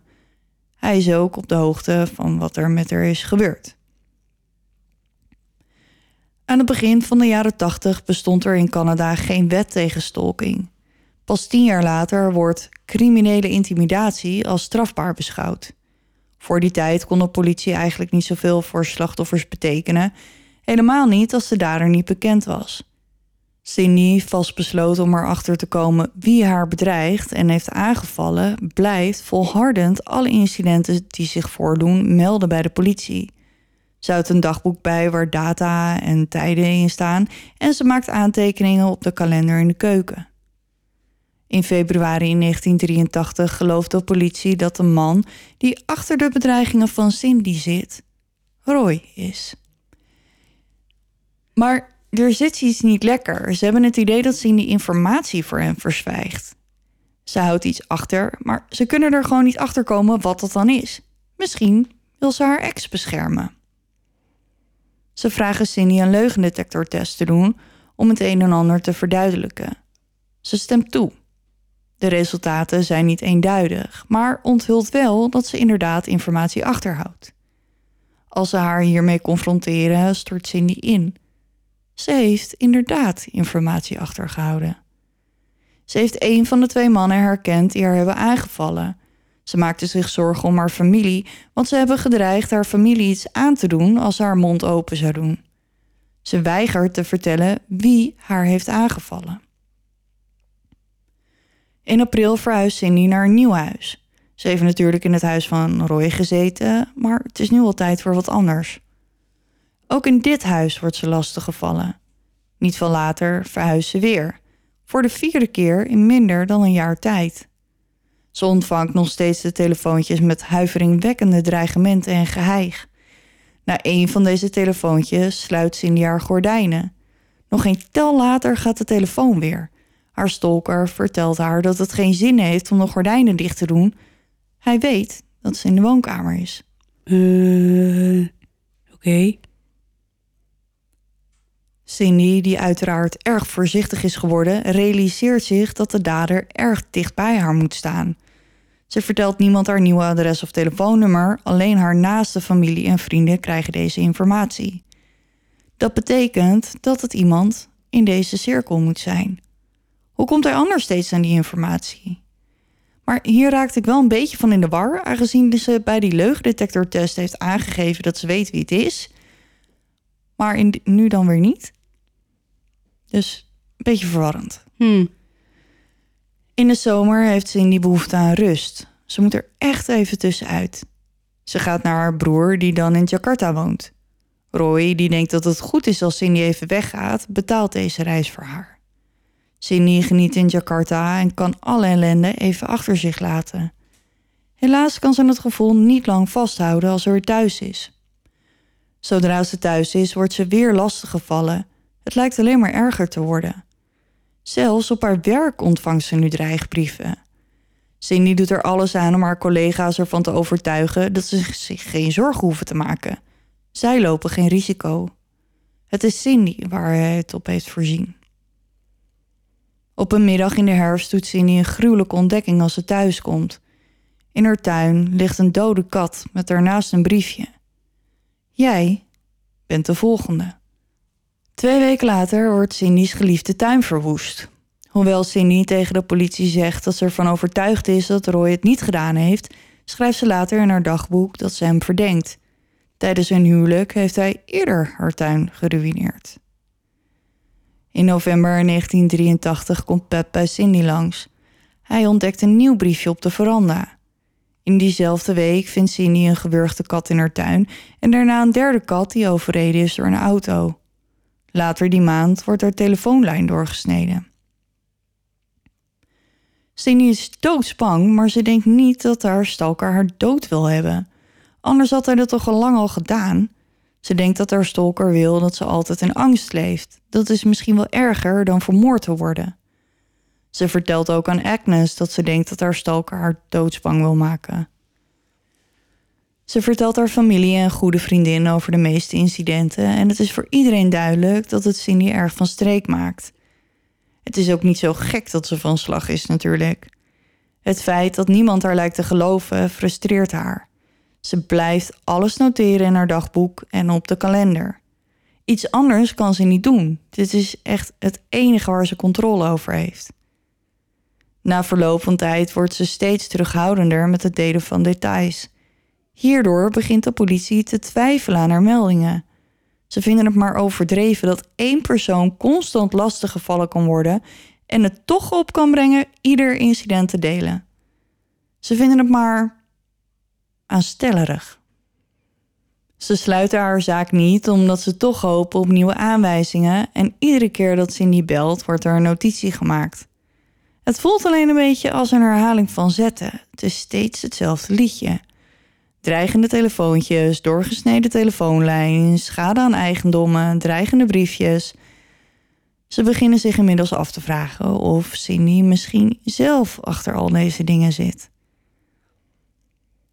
Dus nou ja, ik snap alleen niet zo goed waarom ze dan de aanval maar even buiten beschouwing laten. Maar ehm, Ja, want dat lijkt me... Nou ja, ja, en de je kan natuurlijk wel een panty om je nek knopen. Ja, maar nou ja, de dode katten is ook wel weer een beetje overdreven. Misschien. Maar in ieder geval. Pat, die het idee heeft dat de politie Cindy verder niet echt van dienst wil of kan zijn, raadt haar aan om een privédetective in te huren. Wie weet kan hij iets ontdekken wat de politie gemist heeft. Zo komt ze bij Ozzy Caban terecht. Wie? Ozzy Kebab? Ozzy Caban. Oh, Kaban. Oké. Ka- Kaban.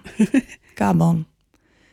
Ze wil vooral het idee hebben dat er iemand is die op haar let. Een extra laag veiligheid, maar ze hoopt ook dat hij met een frisse blik naar de zaak kan kijken. Het eerste wat Ozzy doet is al het bewijsmateriaal bekijken.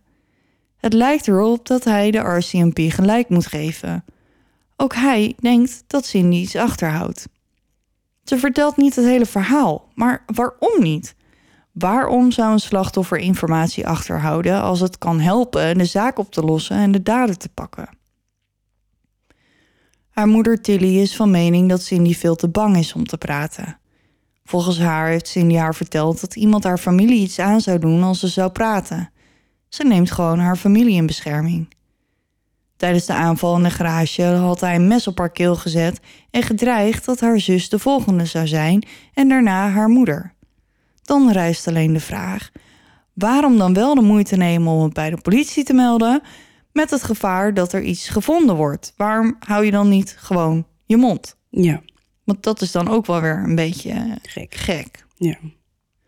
Ozzy geeft Cindy een portofoon, zodat ze hem in geval van nood kan bereiken. Ten slotte is haar telefoonlijn al meer dan eens doorgesneden. En aangezien er nog geen mobiele telefoons zijn, geeft de portofoon haar de kans om, om hulp te vragen als dat nodig is. Op een koude avond in januari hoort Ozzy een vreemd krakend geluid uit zijn portofoon komen. Hij probeert contact te maken met Cindy, maar hij krijgt geen reactie. Hij maakt zich zorgen en rijdt naar Cindy's huis. Hij klopt op de deur, maar Cindy doet niet open.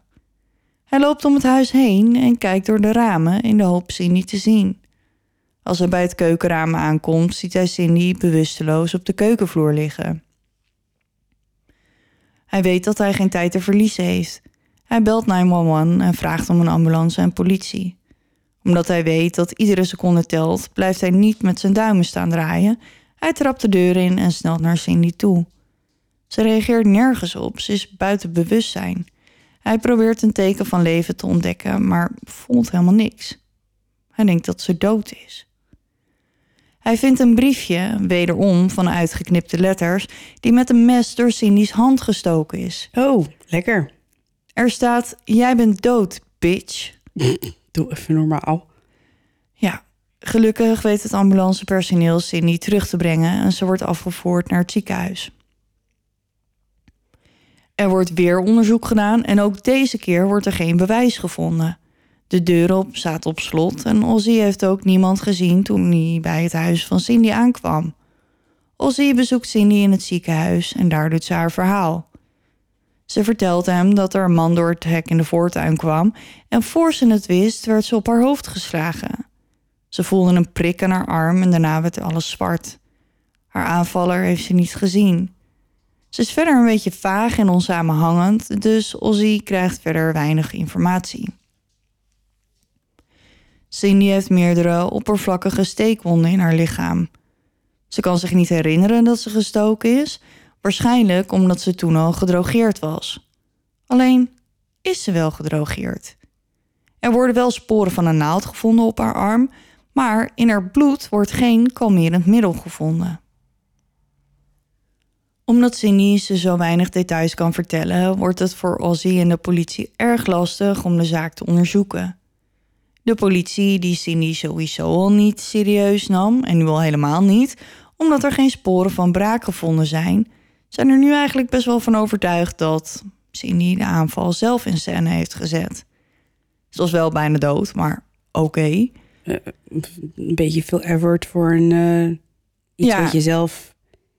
Ja, Je maar ze geen doen... mes door je hand rossen? Nou ja, en ze zetten ook gelijk lekker oogkleppen op, tunnelvisie. Want ze nemen niet eens de moeite om te zoeken naar vingerafdrukken. Want ja, waarom zou je de moeite doen? Als je het toch al weet Mm, wat de uitkomst is en wie het gedaan heeft. ja, ja. Als Cindy thuis komt uit het ziekenhuis, laat ze een alarmsysteem installeren. Ik zat me ineens af te vragen wanneer het eerste alarm werd uitgevonden. Want we zitten nu in het begin van de jaren 80. Dus ik dacht dat een alarm misschien wel nieuw was. Maar ik had het mis. Het eerste patent voor een alarm werd op 21 juni 1853 aangevraagd. Zo. Dus dat is al een tijdje geleden. Het spook vraagt of dat een hond was. Nee, dat was echt een alarmsysteem.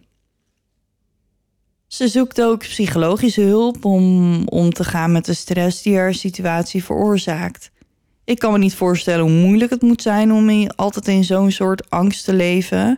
Helemaal als je dan ook al twee keer bent aangevallen. Ik bedoel, het is wel erg genoeg als je gestolkt wordt. Maar als je dan ook nog eens een keer aangevallen bent, dat lijkt me wel echt eh, vreselijk. En als ze het zelf zou zijn, dan klinkt een psycholoog en een alarmsysteem wel een beetje veel effort, hè? Voor iets wat je zelf doet. Ja, tenzij je zelf echt heel erg mentaal niet stabiel bent. Ja, dat je, oké, dat dus jij suggereert dat ze dan alles doet om het echt te laten lijken. Ik suggereer helemaal niks. Nee, maar dat, oké, nou, best. Ook best. Ook best. ze heeft ook nog een gesprek met de politie waarbij ze toegeeft dat Roy tijdens hun huwelijk gewelddadig was en er meer dan eens mishandeld heeft. Ze is van plan om het contact met hem te verbreken. Ze zegt ook dat ze soms een verdacht persoon zag, waarvan ze dacht dat het misschien haar stalker is. Hij is alleen niet altijd alleen. Soms zijn ze met z'n tweeën en soms zelfs met drie mannen. Op 14 februari 1984, Valentijnsdag, wordt Roy meegenomen voor verhoor. Hij blijft volhouden dat hij niets te maken heeft met de stalking van Cindy en al helemaal niet met de aanvallen. Hij heeft zijn eigen theorie.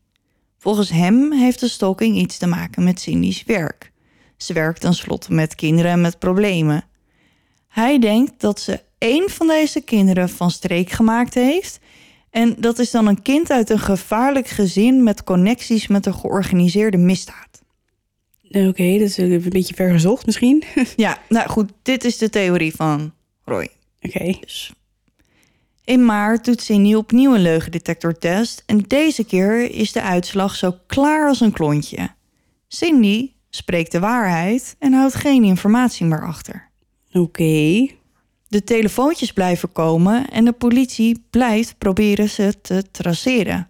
Want ik, maar ik snap inmiddels niet meer zo goed waarom, want ze geloven er niet helemaal. Ehm, maar uiteindelijk zijn die telefoontjes altijd te kort, dus ze weten nog steeds niet waar ze vandaan komen.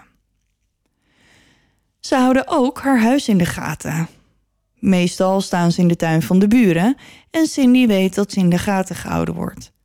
Soms zijn er wel veertien agenten betrokken bij deze operatie. Het is allemaal voor niets. Iedere keer dat ze aanwezig zijn, gebeurt er niets. Nee, natuurlijk niet. Ze krijgt geen briefjes, er sluipt niemand door haar tuin. Maar zodra ze stoppen met hun actie en hun hielen lichten, ontvangt Cindy weer een bedreiging. Telefonisch of via een briefje. Volgens de familie en vrienden van Cindy doet de stalker dit met opzet om ervoor te zorgen dat de politie Cindy niet serieus neemt. Het werkt.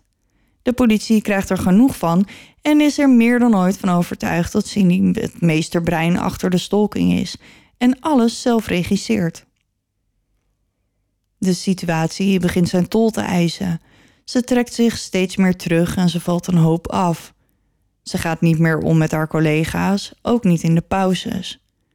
Ze heeft het idee dat niemand haar meer gelooft. Ze draagt de last alleen.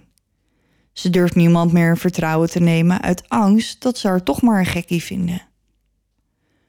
Op een dag in juni komt Cindy thuis en vindt haar hond Heidi vastgebonden aan de keukentafel met een koord om haar nek. Ze is duidelijk gewond en in paniek. Ze zit in haar eigen uitwerpselen, dus waarschijnlijk heeft ze er al een tijdje gezeten. Het koord om haar nek is hetzelfde koord dat is gebruikt voor de dode katten die Cindy in haar tuin gevonden heeft. Gelukkig overleeft Heidi het, want nou ja, anders was ze ook nog eens een keer haar geliefde huisdier kwijt geweest. Het gaat wel erg ver, hè? Dan. Ja. Op 3 juli laat Cindy aan Ozzy weten dat ze een stuk met Heidi gaat lopen. Het is lekker weer en ze wil van een mooie avond genieten. Een paar uur later belt Cindy bij een vreemde aan. Ze is zwaar gewond. Er zijn zwarte nylon kousen om haar nek geknoopt en zodra de deur open gaat, zakt ze in elkaar. Als ze later bijkomt, vertelt ze dat er tijdens haar wandeling met Heidi een groen busje naast haar was gestopt. In de auto zaten een man met een baard en een blonde vrouw. De man vraagt haar de weg en dat is het laatste wat ze zich kan herinneren. Ik vraag me af wat Heidi heeft gedaan toen Cindy werd aangevallen. Want mijn hond zou sowieso helemaal uit zijn plaat gaan. En hoogstwaarschijnlijk aanvallen. Want hij is nogal angstig aangelegd. En nou, hij haalt nog wel eens uit als hij zich bedreigd voelt. En mijn vorige hond was echt een, nou ja, vreselijk lieve goedzak. Waarvan ik nooit verwacht had dat hij me zou verdedigen.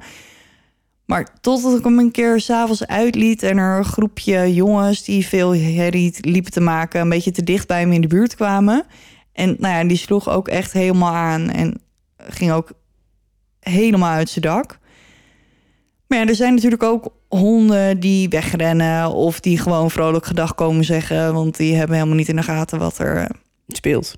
Wat er speelt. Die denken gewoon, oh leuk, nieuwe vrienden. Ja, Die zijn er volgens mij ook. Labradors. Bijvoorbeeld. ze heeft weer een minuscuul gaatje in haar arm, wat erop wijst dat ze gedrogeerd is. Als haar bloed testen, komen er naast haar voorgeschreven antidepressiva geen andere middelen aan het licht. Tijdens haar verhoor is ze erg in de war en zegt vaak dat ze zich dingen niet goed kan herinneren.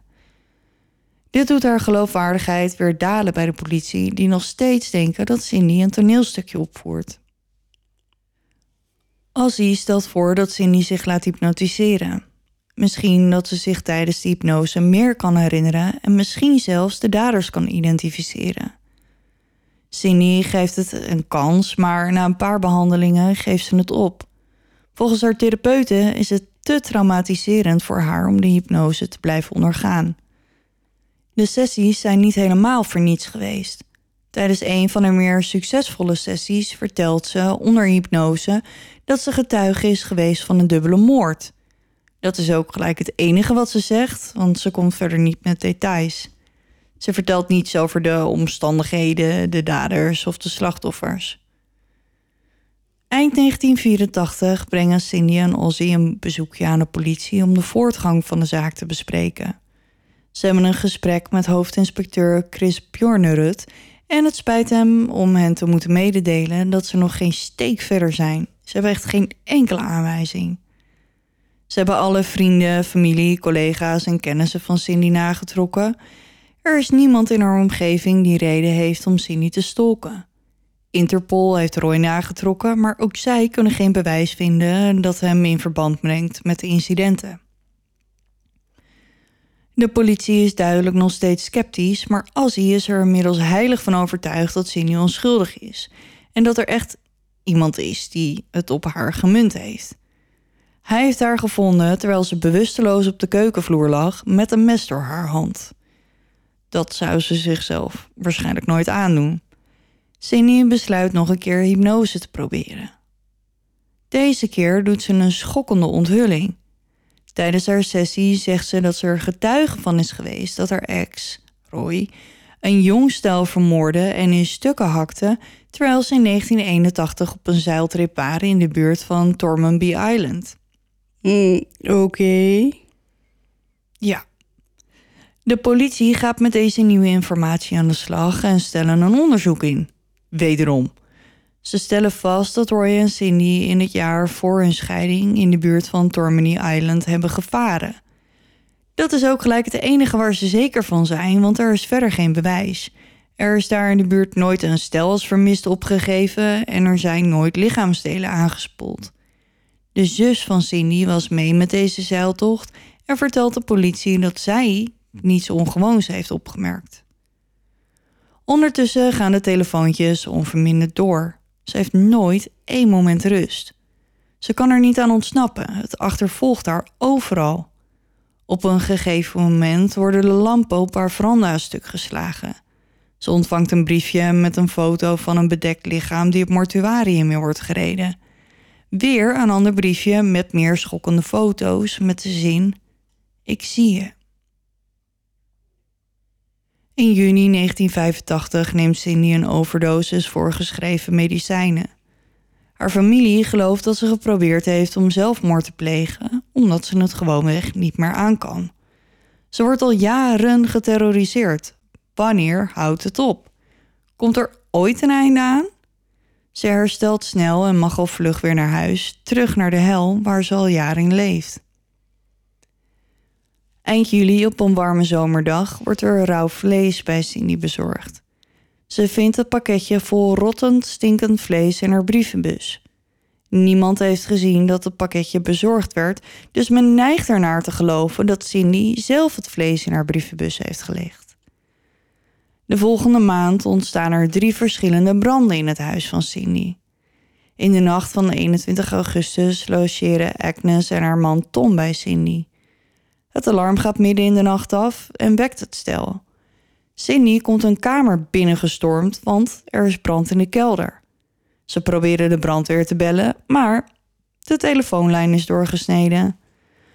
Tom rent naar buiten om hulp te halen en op de hoek van de straat staat een man en Tom schreeuwt naar hem dat hij de hulpdiensten moet bellen. De man reageert niet en rent weg zonder om te kijken. De politie komt weer opdraven en doet onderzoek. En je verwacht het niet, maar ze vinden precies niks.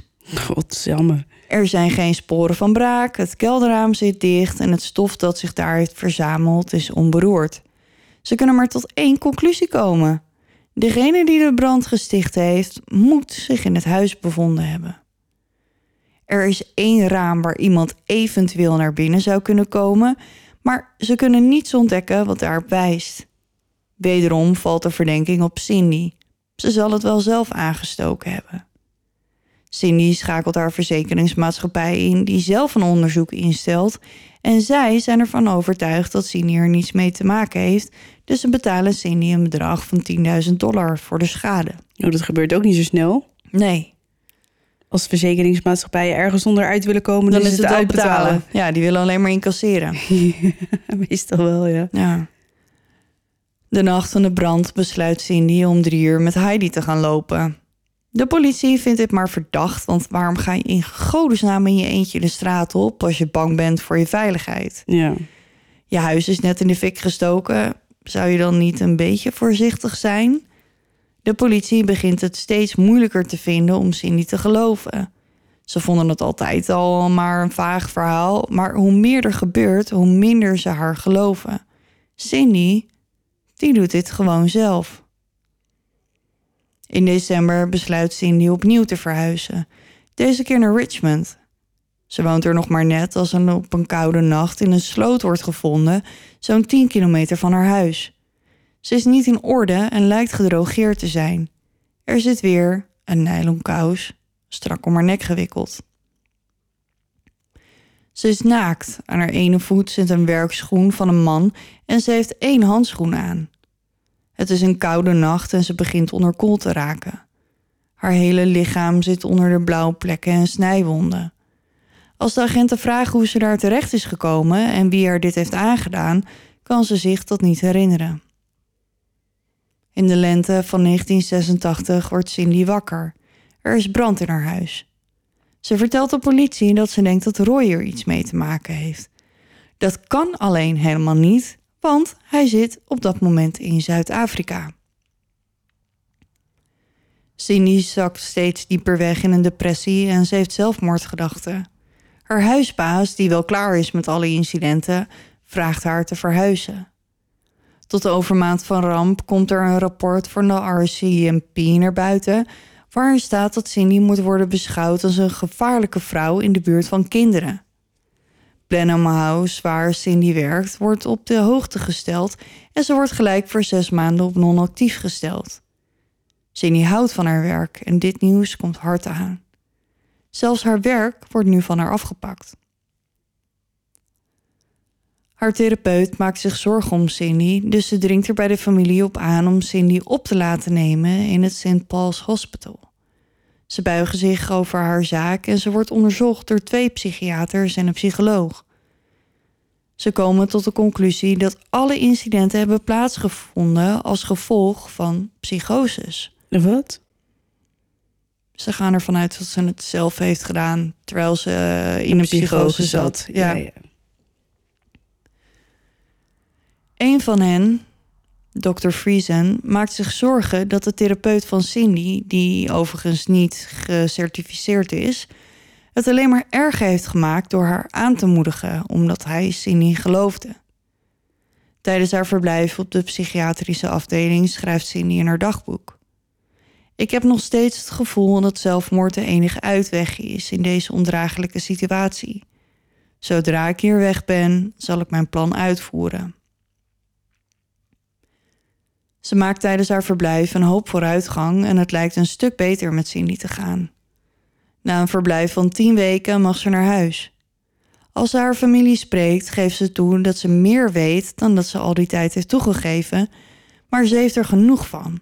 Ze is van plan om het heft in eigen hand te nemen. Ze blijft in therapie bij Dr. Friesen en Cindy lijkt steeds meer zichzelf te worden.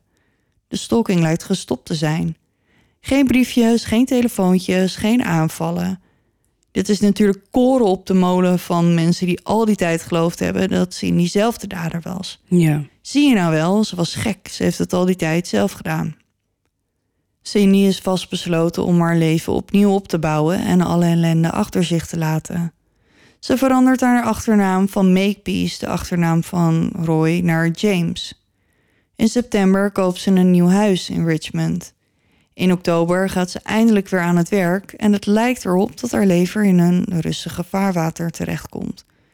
Eindelijk kan ze een beetje op adem komen. De rust duurt echter niet lang. Ze is nog geen maand aan het werk als ze ontslagen wordt. Dit is echt een enorme klap voor Cindy. Ze heeft meer dan tien jaar bij Blenheim House gewerkt. En nou, dit was haar droombaan. Ze kent niet anders. Maar wat is de reden dan? Dat weet ik niet. Ze is net die zes maanden op non- non-actief gesteld. Waarschijnlijk te veel gebeurd of zo. Denk het, ja.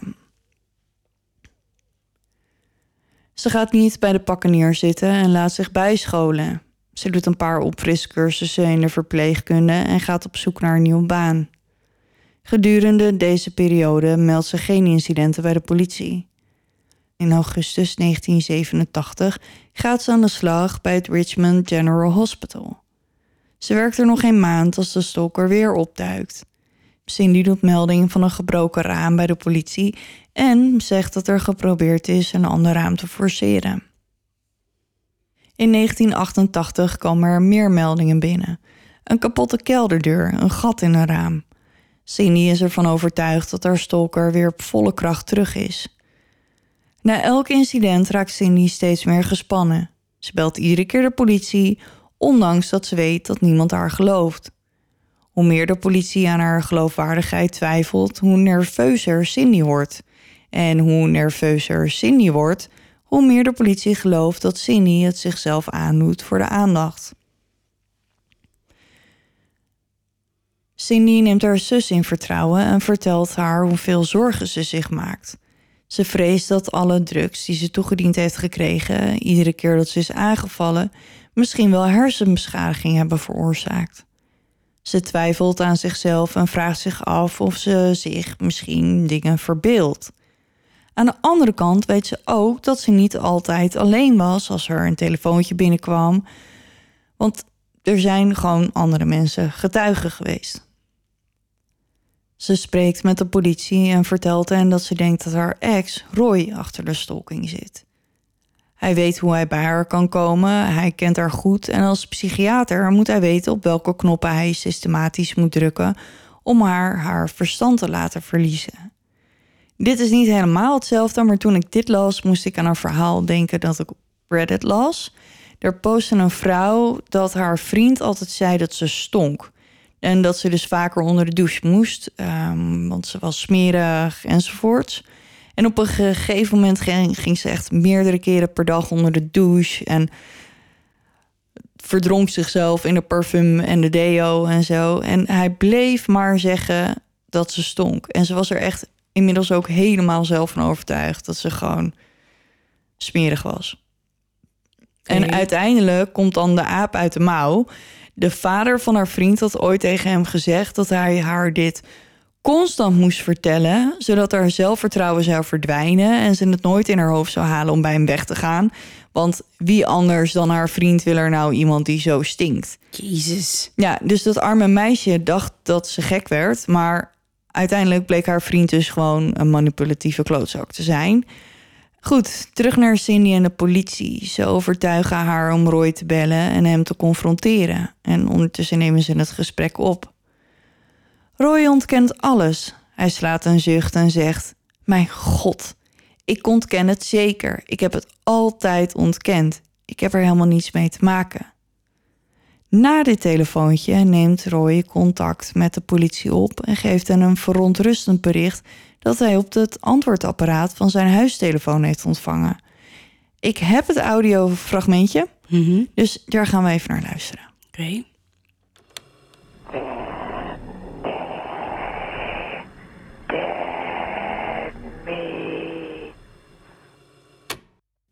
Het klinkt als een vrouw. Oh, dat was dus mijn volgende vraag. Vind je het klinken als een man of een vrouw? Als een vrouw. Ja, nou ja, voor, eh, ik denk dat het wel goed te verstaan was, maar je hoort dus Cindy, dead meat soon. Dus Cindy binnenkort dood vlees.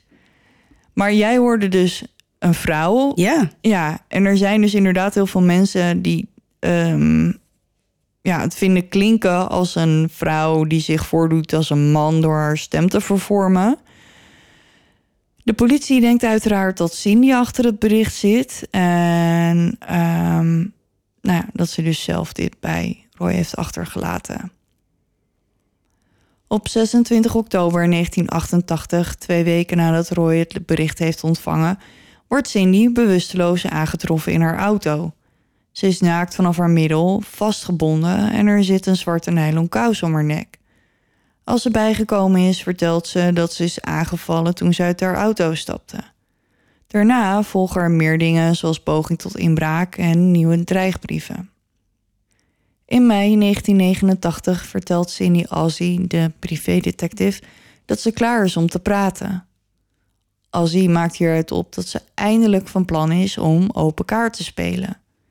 Hij heeft al die tijd het gevoel gehad dat ze niet het hele verhaal vertelde, dus hij gaat ervan uit dat ze er klaar voor is om alle informatie die ze heeft te delen. Dit gesprek zal er alleen nooit komen. Op 25 mei 1989, zes jaar en zeven maanden nadat ze het eerste dreigtelefoontje heeft ontvangen, heeft Cindy een goede dag. Ze kijkt uit naar vijf vrije dagen en die middag heeft ze de cheque voor haar salaris opgehaald bij het ziekenhuis. Ze neemt afscheid en zegt tegen haar collega's dat ze hen na haar vakantie weer zou zien. Om vier uur ziet een buurvrouw haar van huis gaan.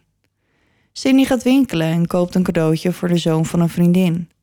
Daarna verwenst ze zichzelf met een make-over bij een schoonheidssalon.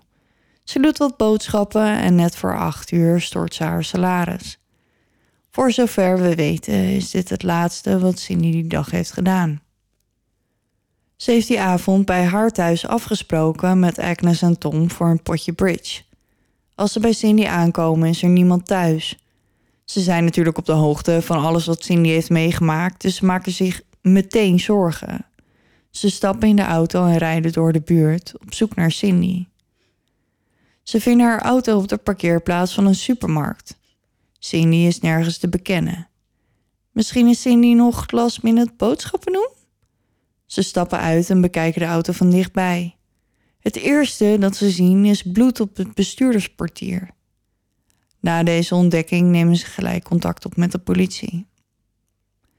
In de auto vinden ze boodschappen en het ingepakte cadeau dat Cindy die middag heeft gekocht. Onder de auto vinden ze de inhoud van haar portemonnee. Ze testen het bloed en later wordt bevestigd dat het van Cindy is. Op dat moment wordt ze officieel een vermist persoon en haar foto wordt verspreid in de media, op lantaarnpalen geplakt, opgehangen bij winkels, maar er komen geen tips binnen. De politie tast nog steeds in het duister. Twee weken later komt het nieuws waar iedereen al die tijd voor vreesde. Cindy's lichaam wordt gevonden in de tuin van een verlaten huis, anderhalve kilometer van de plek waar haar auto werd gevonden. Don Finish, een bouwvakker die Cindy vond, zegt later... haar gezicht was helemaal zwart. Het leek wel alsof het ingeslagen was. Oh, Jezus. Ze is bruut mishandeld en haar handen en benen zijn achter haar rug vastgebonden. Ze heeft al haar kleding nog aan, alleen haar schoenen ontbreken. Haar voeten zijn schoon, wat erop wijst dat ze niet zelf op blote voeten door de tuin is gelopen, anders waren ze wel vies geweest. Ook deze keer zit er een zwarte pantykous om haar nek. Uit de autopsie blijkt dat Cindy is overleden aan een overdosis morfine en andere medicatie. Ze heeft maar liefst meer dan 10 keer de dodelijke dosis morfine en 10 keer de dodelijke dosis flurazepam in haar lijf. Op haar rechterarm vinden ze sporen van een naald. Waarschijnlijk is de morfine zo ingespoten en de flurazepam is als pil ingenomen. Volgens het farmaceutisch kompas wordt flurazepam voorgeschreven als kortdurende behandeling van ernstige slaapstoornissen die het normale functioneren verstoren of waar ernstig onder geleden wordt. Dus nou ja, zo gewoon weer zwaar kalmerend middel. Ja. Er wordt na de autopsie geconcludeerd dat Cindy op een vreselijke manier haar eigen leven heeft beëindigd. Huh? Ozzy is het hier absoluut niet mee eens. En volgens hem is het onmogelijk dat Cindy op deze manier zelfmoord heeft gepleegd. Want hoe zou ze dat in godesnaam voor elkaar gekregen moeten hebben? Ja.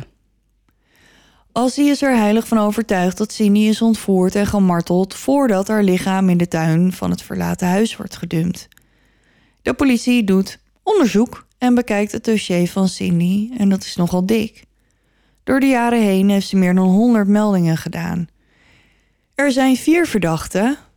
Roy, dat is de ex. Mhm. Pat, de politieagent waar ze een relatie mee kreeg. Mhm. Ehm, de man die Tom Woodcock weg zag rennen na de brand in het huis van Cindy. En Cindy zelf. Roy sluit ze al snel uit omdat hij ten tijde van één van de aanvallen op Cindy in Zuid-Afrika zat. Ze hebben ook niet echt het idee dat hij achter de rest van de stalking kan zitten. Ehm, een psychiater is van mening dat Cindy zelf verantwoordelijk was voor alles wat haar door de jaren heen is aangedaan. Ehm, maar ze plande dan wel alles zo dat het erop leek dat Roy de dader was om hem erin te luizen. Oké. Ja, en deze theorie werd door veel mensen afgewezen omdat Cindy zelf bij Roy is weggegaan. Dus waarom zou ze dan zo boos op hem zijn dat ze zo ver zou gaan om hem erin te luizen? Nou ja, eh, als hij haar al eerder mishandeld heeft. Dat is waar. Ehm, maar volgens vrienden en familie gingen ze gewoon op goede voet uit elkaar en bleven na de scheiding gewoon Dat vind ik vrienden. sowieso al apart. Je gaat op goede voet met je ex uit elkaar en dat die je in elkaar Sommige mensen, sommige mensen kunnen echt super goede ouders zijn samen, terwijl getrouwd nog elkaar de tent uitvechten. Dus, eh, soms gaat het gewoon beter als er afstand is, Oké. denk ik. Maar goed, er zijn dus mensen die denken dat Roy zijn psychiatrische kennis heeft ingezet om Cindy de afgrond in te drijven. Volgens hen zit Roy erachter omdat hij boos was op Cindy omdat ze hem heeft verlaten. Dit klinkt in ieder geval wel wat logischer dan de eerste theorie. Roy is er echter van overtuigd dat Cindy leed aan een meervoudige persoonlijkheidsstoornis. Maar goed, hij is dan ook wel de enige. Pat, de vriend van Cindy, wordt ook als verdachte beschouwd. Er zijn veel mensen die geloven dat hij al die jaren Cindy's leven tot een hel heeft gemaakt. Hij ontmoette haar pas na de eerste dreigende telefoontjes. Hij was wel vaak aanwezig als Cindy weer een nieuwe dreigbrief ontdekte en hij had de sleutel van haar huis. Als agent had hij natuurlijk ook info over, de, over het onderzoek en wanneer Cindy's huis in de gaten gehouden werd. En dit deed me dan weer denken aan een aflevering van Gestolkt met Thijs Zeeman. En dat was wel een iets andere situatie, maar er was een vrouw die gestolkt werd. En haar beste vriend was er steeds om haar bij te staan in deze moeilijke, zware tijden. Ja, ja, ja. waarin zij kapot ging van de angst en de stress. En hij was er altijd, haar Mhm. rots in de branding. Uiteindelijk bleek dat deze beste vriend de stalker was. Want door haar te stalken kon hij zich opwerpen als haar knight in shining armor. Ja, ja, en ja. de man die er altijd is om haar te beschermen en de schoudermop uit te houden. eh, Houden. hu- huilen, Oh. altijd van, eh, om van te houden. Ja. Maar hij was gewoon al jaren heimelijk verliefd op haar en hoopte dat ze dan door deze situatie dichter bij elkaar konden komen. En als we ervan uitgaan dat Beth achter de stalking zit, zou dit best wel eens zo'n soortzelfde situatie kunnen zijn. Ja. Misschien heeft hij Cindy ooit ergens ontmoet, achterhaalt haar telefoonnummer, begint met stalken en verschijnt ineens op het toneel als rennende engel. Ik zeg natuurlijk niet dat dit het is, maar hij is wel agent. Ja. Nou Dus ja, het, klinkt wel het, kan, het kan niet moeilijk zijn om informatie, eh, om een telefoonnummer te achterhalen als je iemands kenteken hebt. nee, ja, bijvoorbeeld. nee, zeker niet. Er Helemaal niet als agent. Nee, daarom. En dat hij daarna ook nog, weet je, op eigen initiatief met nieuwe sloten en zo kwam. Mhm. Ja. Maar er verscheen een bericht van iemand op Reddit die beweerde een familielid van Pat te zijn. In het bericht staat het volgende. Mijn oom was een verdachte en wat veel van de beschikbare bronnen over de zaak niet vermelden, is dat jaren nadat Cindy dood werd aangetroffen, mijn oom, Pat McBride van de Royal Canadian Mounted Police, zijn insigne werd afgenomen. Mij werd verteld dat de reden hiervoor soortgelijke aanvallen of bedreigingen van aanvallen op vrouwen was. Hij is inmiddels overleden, dus ik kan het hem niet meer vragen. Hoewel ik niet denk dat ik dat sowieso zou doen, want hij maakte me altijd een beetje bang. Ah, oké. Ja, en aangezien er niet te achterhalen valt of deze bewering waar is, kunnen we dit niet voor waarheid aannemen.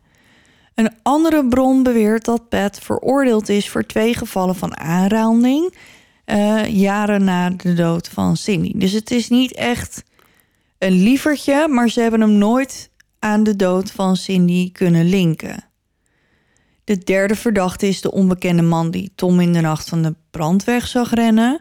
Ehm, maar het is de politie nooit gelukt om hem op te sporen. Het kan natuurlijk ook dat hij er gewoon helemaal niets mee te maken heeft, maar gewoon schrok van Tom die midden in de nacht naar buiten stormt. Ehm, nou, misschien was die man wel gewoon een blokje om. ja, het- een andere mogelijkheid is nog dat hij misschien door iemand is ingehuurd om die branden te stichten, maar er is ook echt niet, niet echt iets wat daar ja, oké, nou, dat zou kunnen. Ik, ik denk, de- het klinkt aannemelijker dat het die vriend was. Ja. Gezegd. En dan komen we bij de laatste verdachte, Cindy. Laten we er even van uitgaan dat ze zelfmoord heeft gepleegd. Hoe zou ze dat dan gedaan moeten hebben? Haar handen en voeten zaten vastgebonden, zat die kous om haar nek en zat een dodelijke dosis medicijn in haar lijf. Bij het gerechtelijk onderzoek heeft een getuigendeskundige aangetoond dat het mogelijk is om jezelf zo vast te binden. Hij moest echter wel toegeven dat hij een andere knoop heeft gebruikt dan de knoop die in de kous om Cindy's nek werd gevonden. Daarnaast was hij niet gedrogeerd toen hij zijn experiment uitvoerde. Ik wil net zeggen, als jij dodelijke morfine... Daarom, dan wat mij Dan ben je betreft, niet heel helder meer, hè? Nee, en je hebt natuurlijk veel minder kracht en je bent gedesoriënteerd, lijkt mij. Ehm, dus wat mij betreft heb je hier dus helemaal niet zoveel aan. Eh, als je zoiets aan wilt tonen, dan moet je dat onder dezelfde omstandigheden doen als waarin het slachtoffer is gevonden, lijkt me.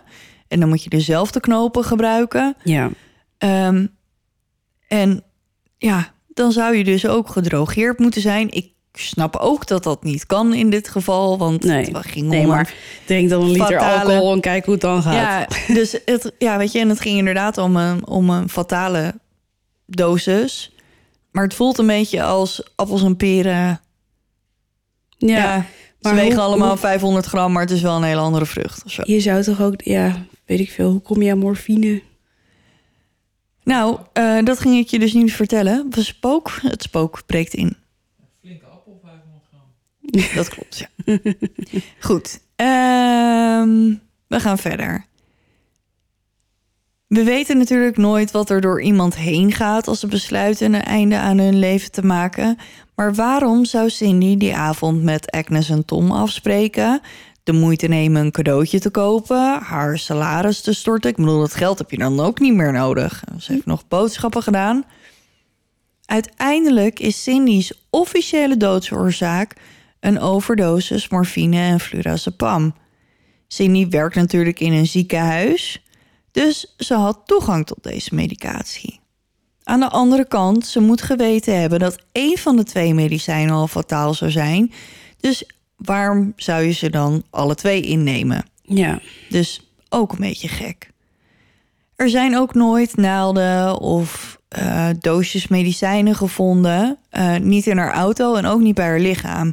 Dus waar heeft ze die dan gelaten? Als ze zichzelf geïnjecteerd heeft met de morfine en de flurazepam geslikt heeft bij haar auto, dan had ze nooit meer anderhalve kilometer kunnen lopen, eh, zichzelf vastbinden en een kous om haar nek knopen. Maar de voeten waren toch ook niet vies? Dat wilde ik net zeggen. Laten we die voeten niet vergeten, want die waren gewoon schoon. Ja. Dus Nee, het was er zelf niet.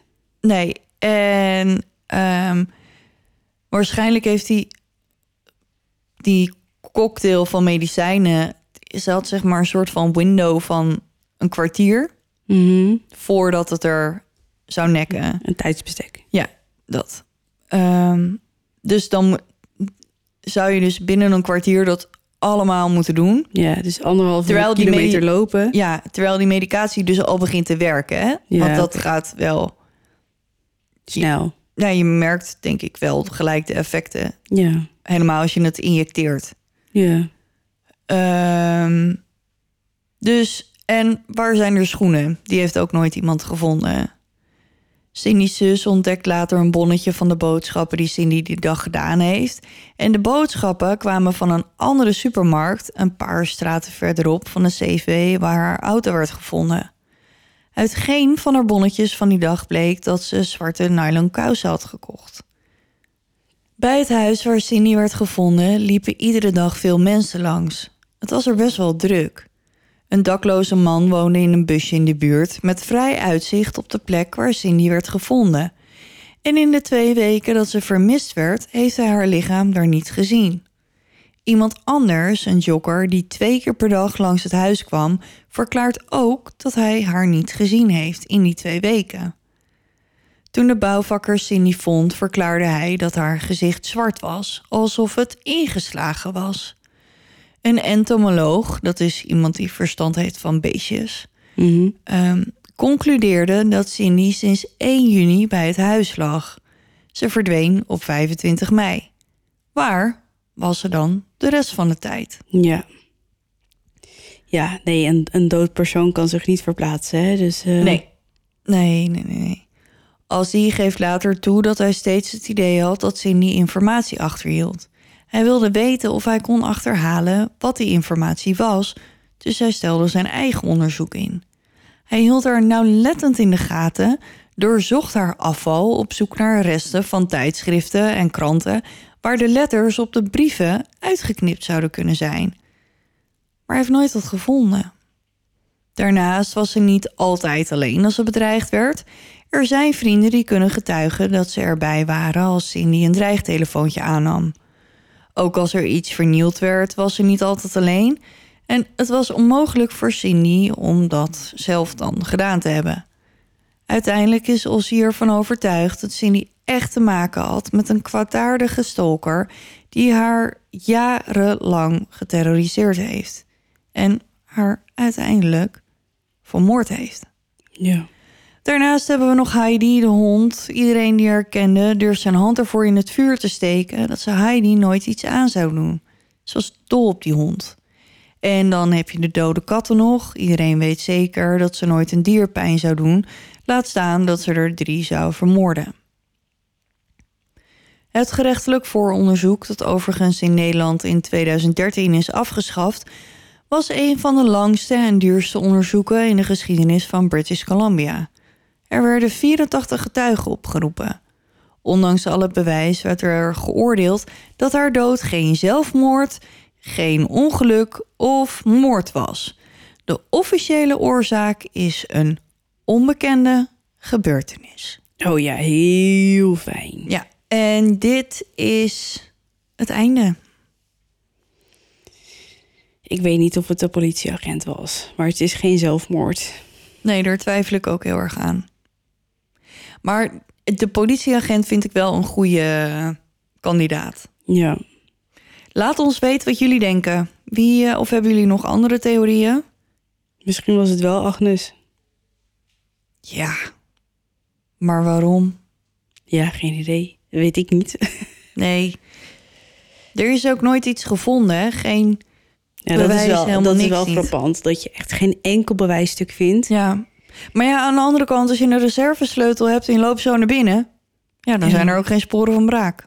Nee, maar het is wel treurig dat ze dus al jaren voor haar uiteindelijke dood in angst heeft geleefd. En eh, niet Moet echt- gelukkig is geweest. En Nee, dat Nou moet ja. echt afschuwelijk geweest zijn. ja, en dat het dan nog resulteert in eh, haar overlijden is wel heel treurig. Ja.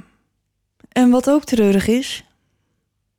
We zijn aan het einde van de aflevering. Ja, En het einde voor de zomerstop. Voorlopig ook even het echte einde. het echte einde. Ja, Nee joh, het is geen einde. Het is maar een zomerstop. We komen gewoon weer terug. 7 september. ja. Eh, tot die tijd... Kan je ons volgen op de socials? ik wilde zeggen, moet je maar gewoon lekker alles een keertje terugluisteren of zo. dat, ook, dat kan ook. Begin gewoon weer bij één. En eh, tegen de tijd dat... eh nou, ja, mensen luisteren wel echt veel afleveringen op een dag. Ja, Maar als je nou gewoon iedere woensdag een aflevering luistert... nou dan red je het makkelijk. dan red je het makkelijk. Ah ja joh. En Ja. we komen terug met een special. Ja, Dus eh, we beginnen lekker goed. Ja, dus volg ons op de socials. En mochten we wel gaan livestreamen... dan kondigen we dat daar ook gewoon eh, aan. Ja, Dus dan ben je op de hoogte. Je kan ook altijd eh, gezellig bij de Duisterclub komen op Facebook. wel even de regels accepteren. Er zijn nog steeds mensen die dan die doen... eh, en dan zich vervolgens afvragen waarom ze niet geaccepteerd worden. Ja. We willen gewoon graag even dat je dat doet. Ja, en, Ze zijn er met een reden namelijk. en geef ons vooral vijf sterren op Spotify. Ik dacht echt dat je ging zeggen, geef ons vooral 5 euro. Nee, zo diep. nog- Nee, dat Ik dacht niet. echt dat je dat ging zeggen. Jongens, het is echt tijd voor vakantie. Het is eh, vijf over half twaalf s'avonds. Ja. Ik ga naar huis. Ja. Ehm, blijf vooral met ons kletsen. Dat vinden we heel leuk. We gaan jullie missen. Geniet van je zomer. Ja. Dat is echt heel belangrijk. En als we terugkomen, dan, Dan is het al het bijna Herfst Halloween. en Halloween. Dus het komt helemaal goed. Ja, Oké jongens, bedankt voor het luisteren. tot over twee maanden. En onthoud, Blijf in het licht. want, je weet nooit wat er na de zomer op je wacht.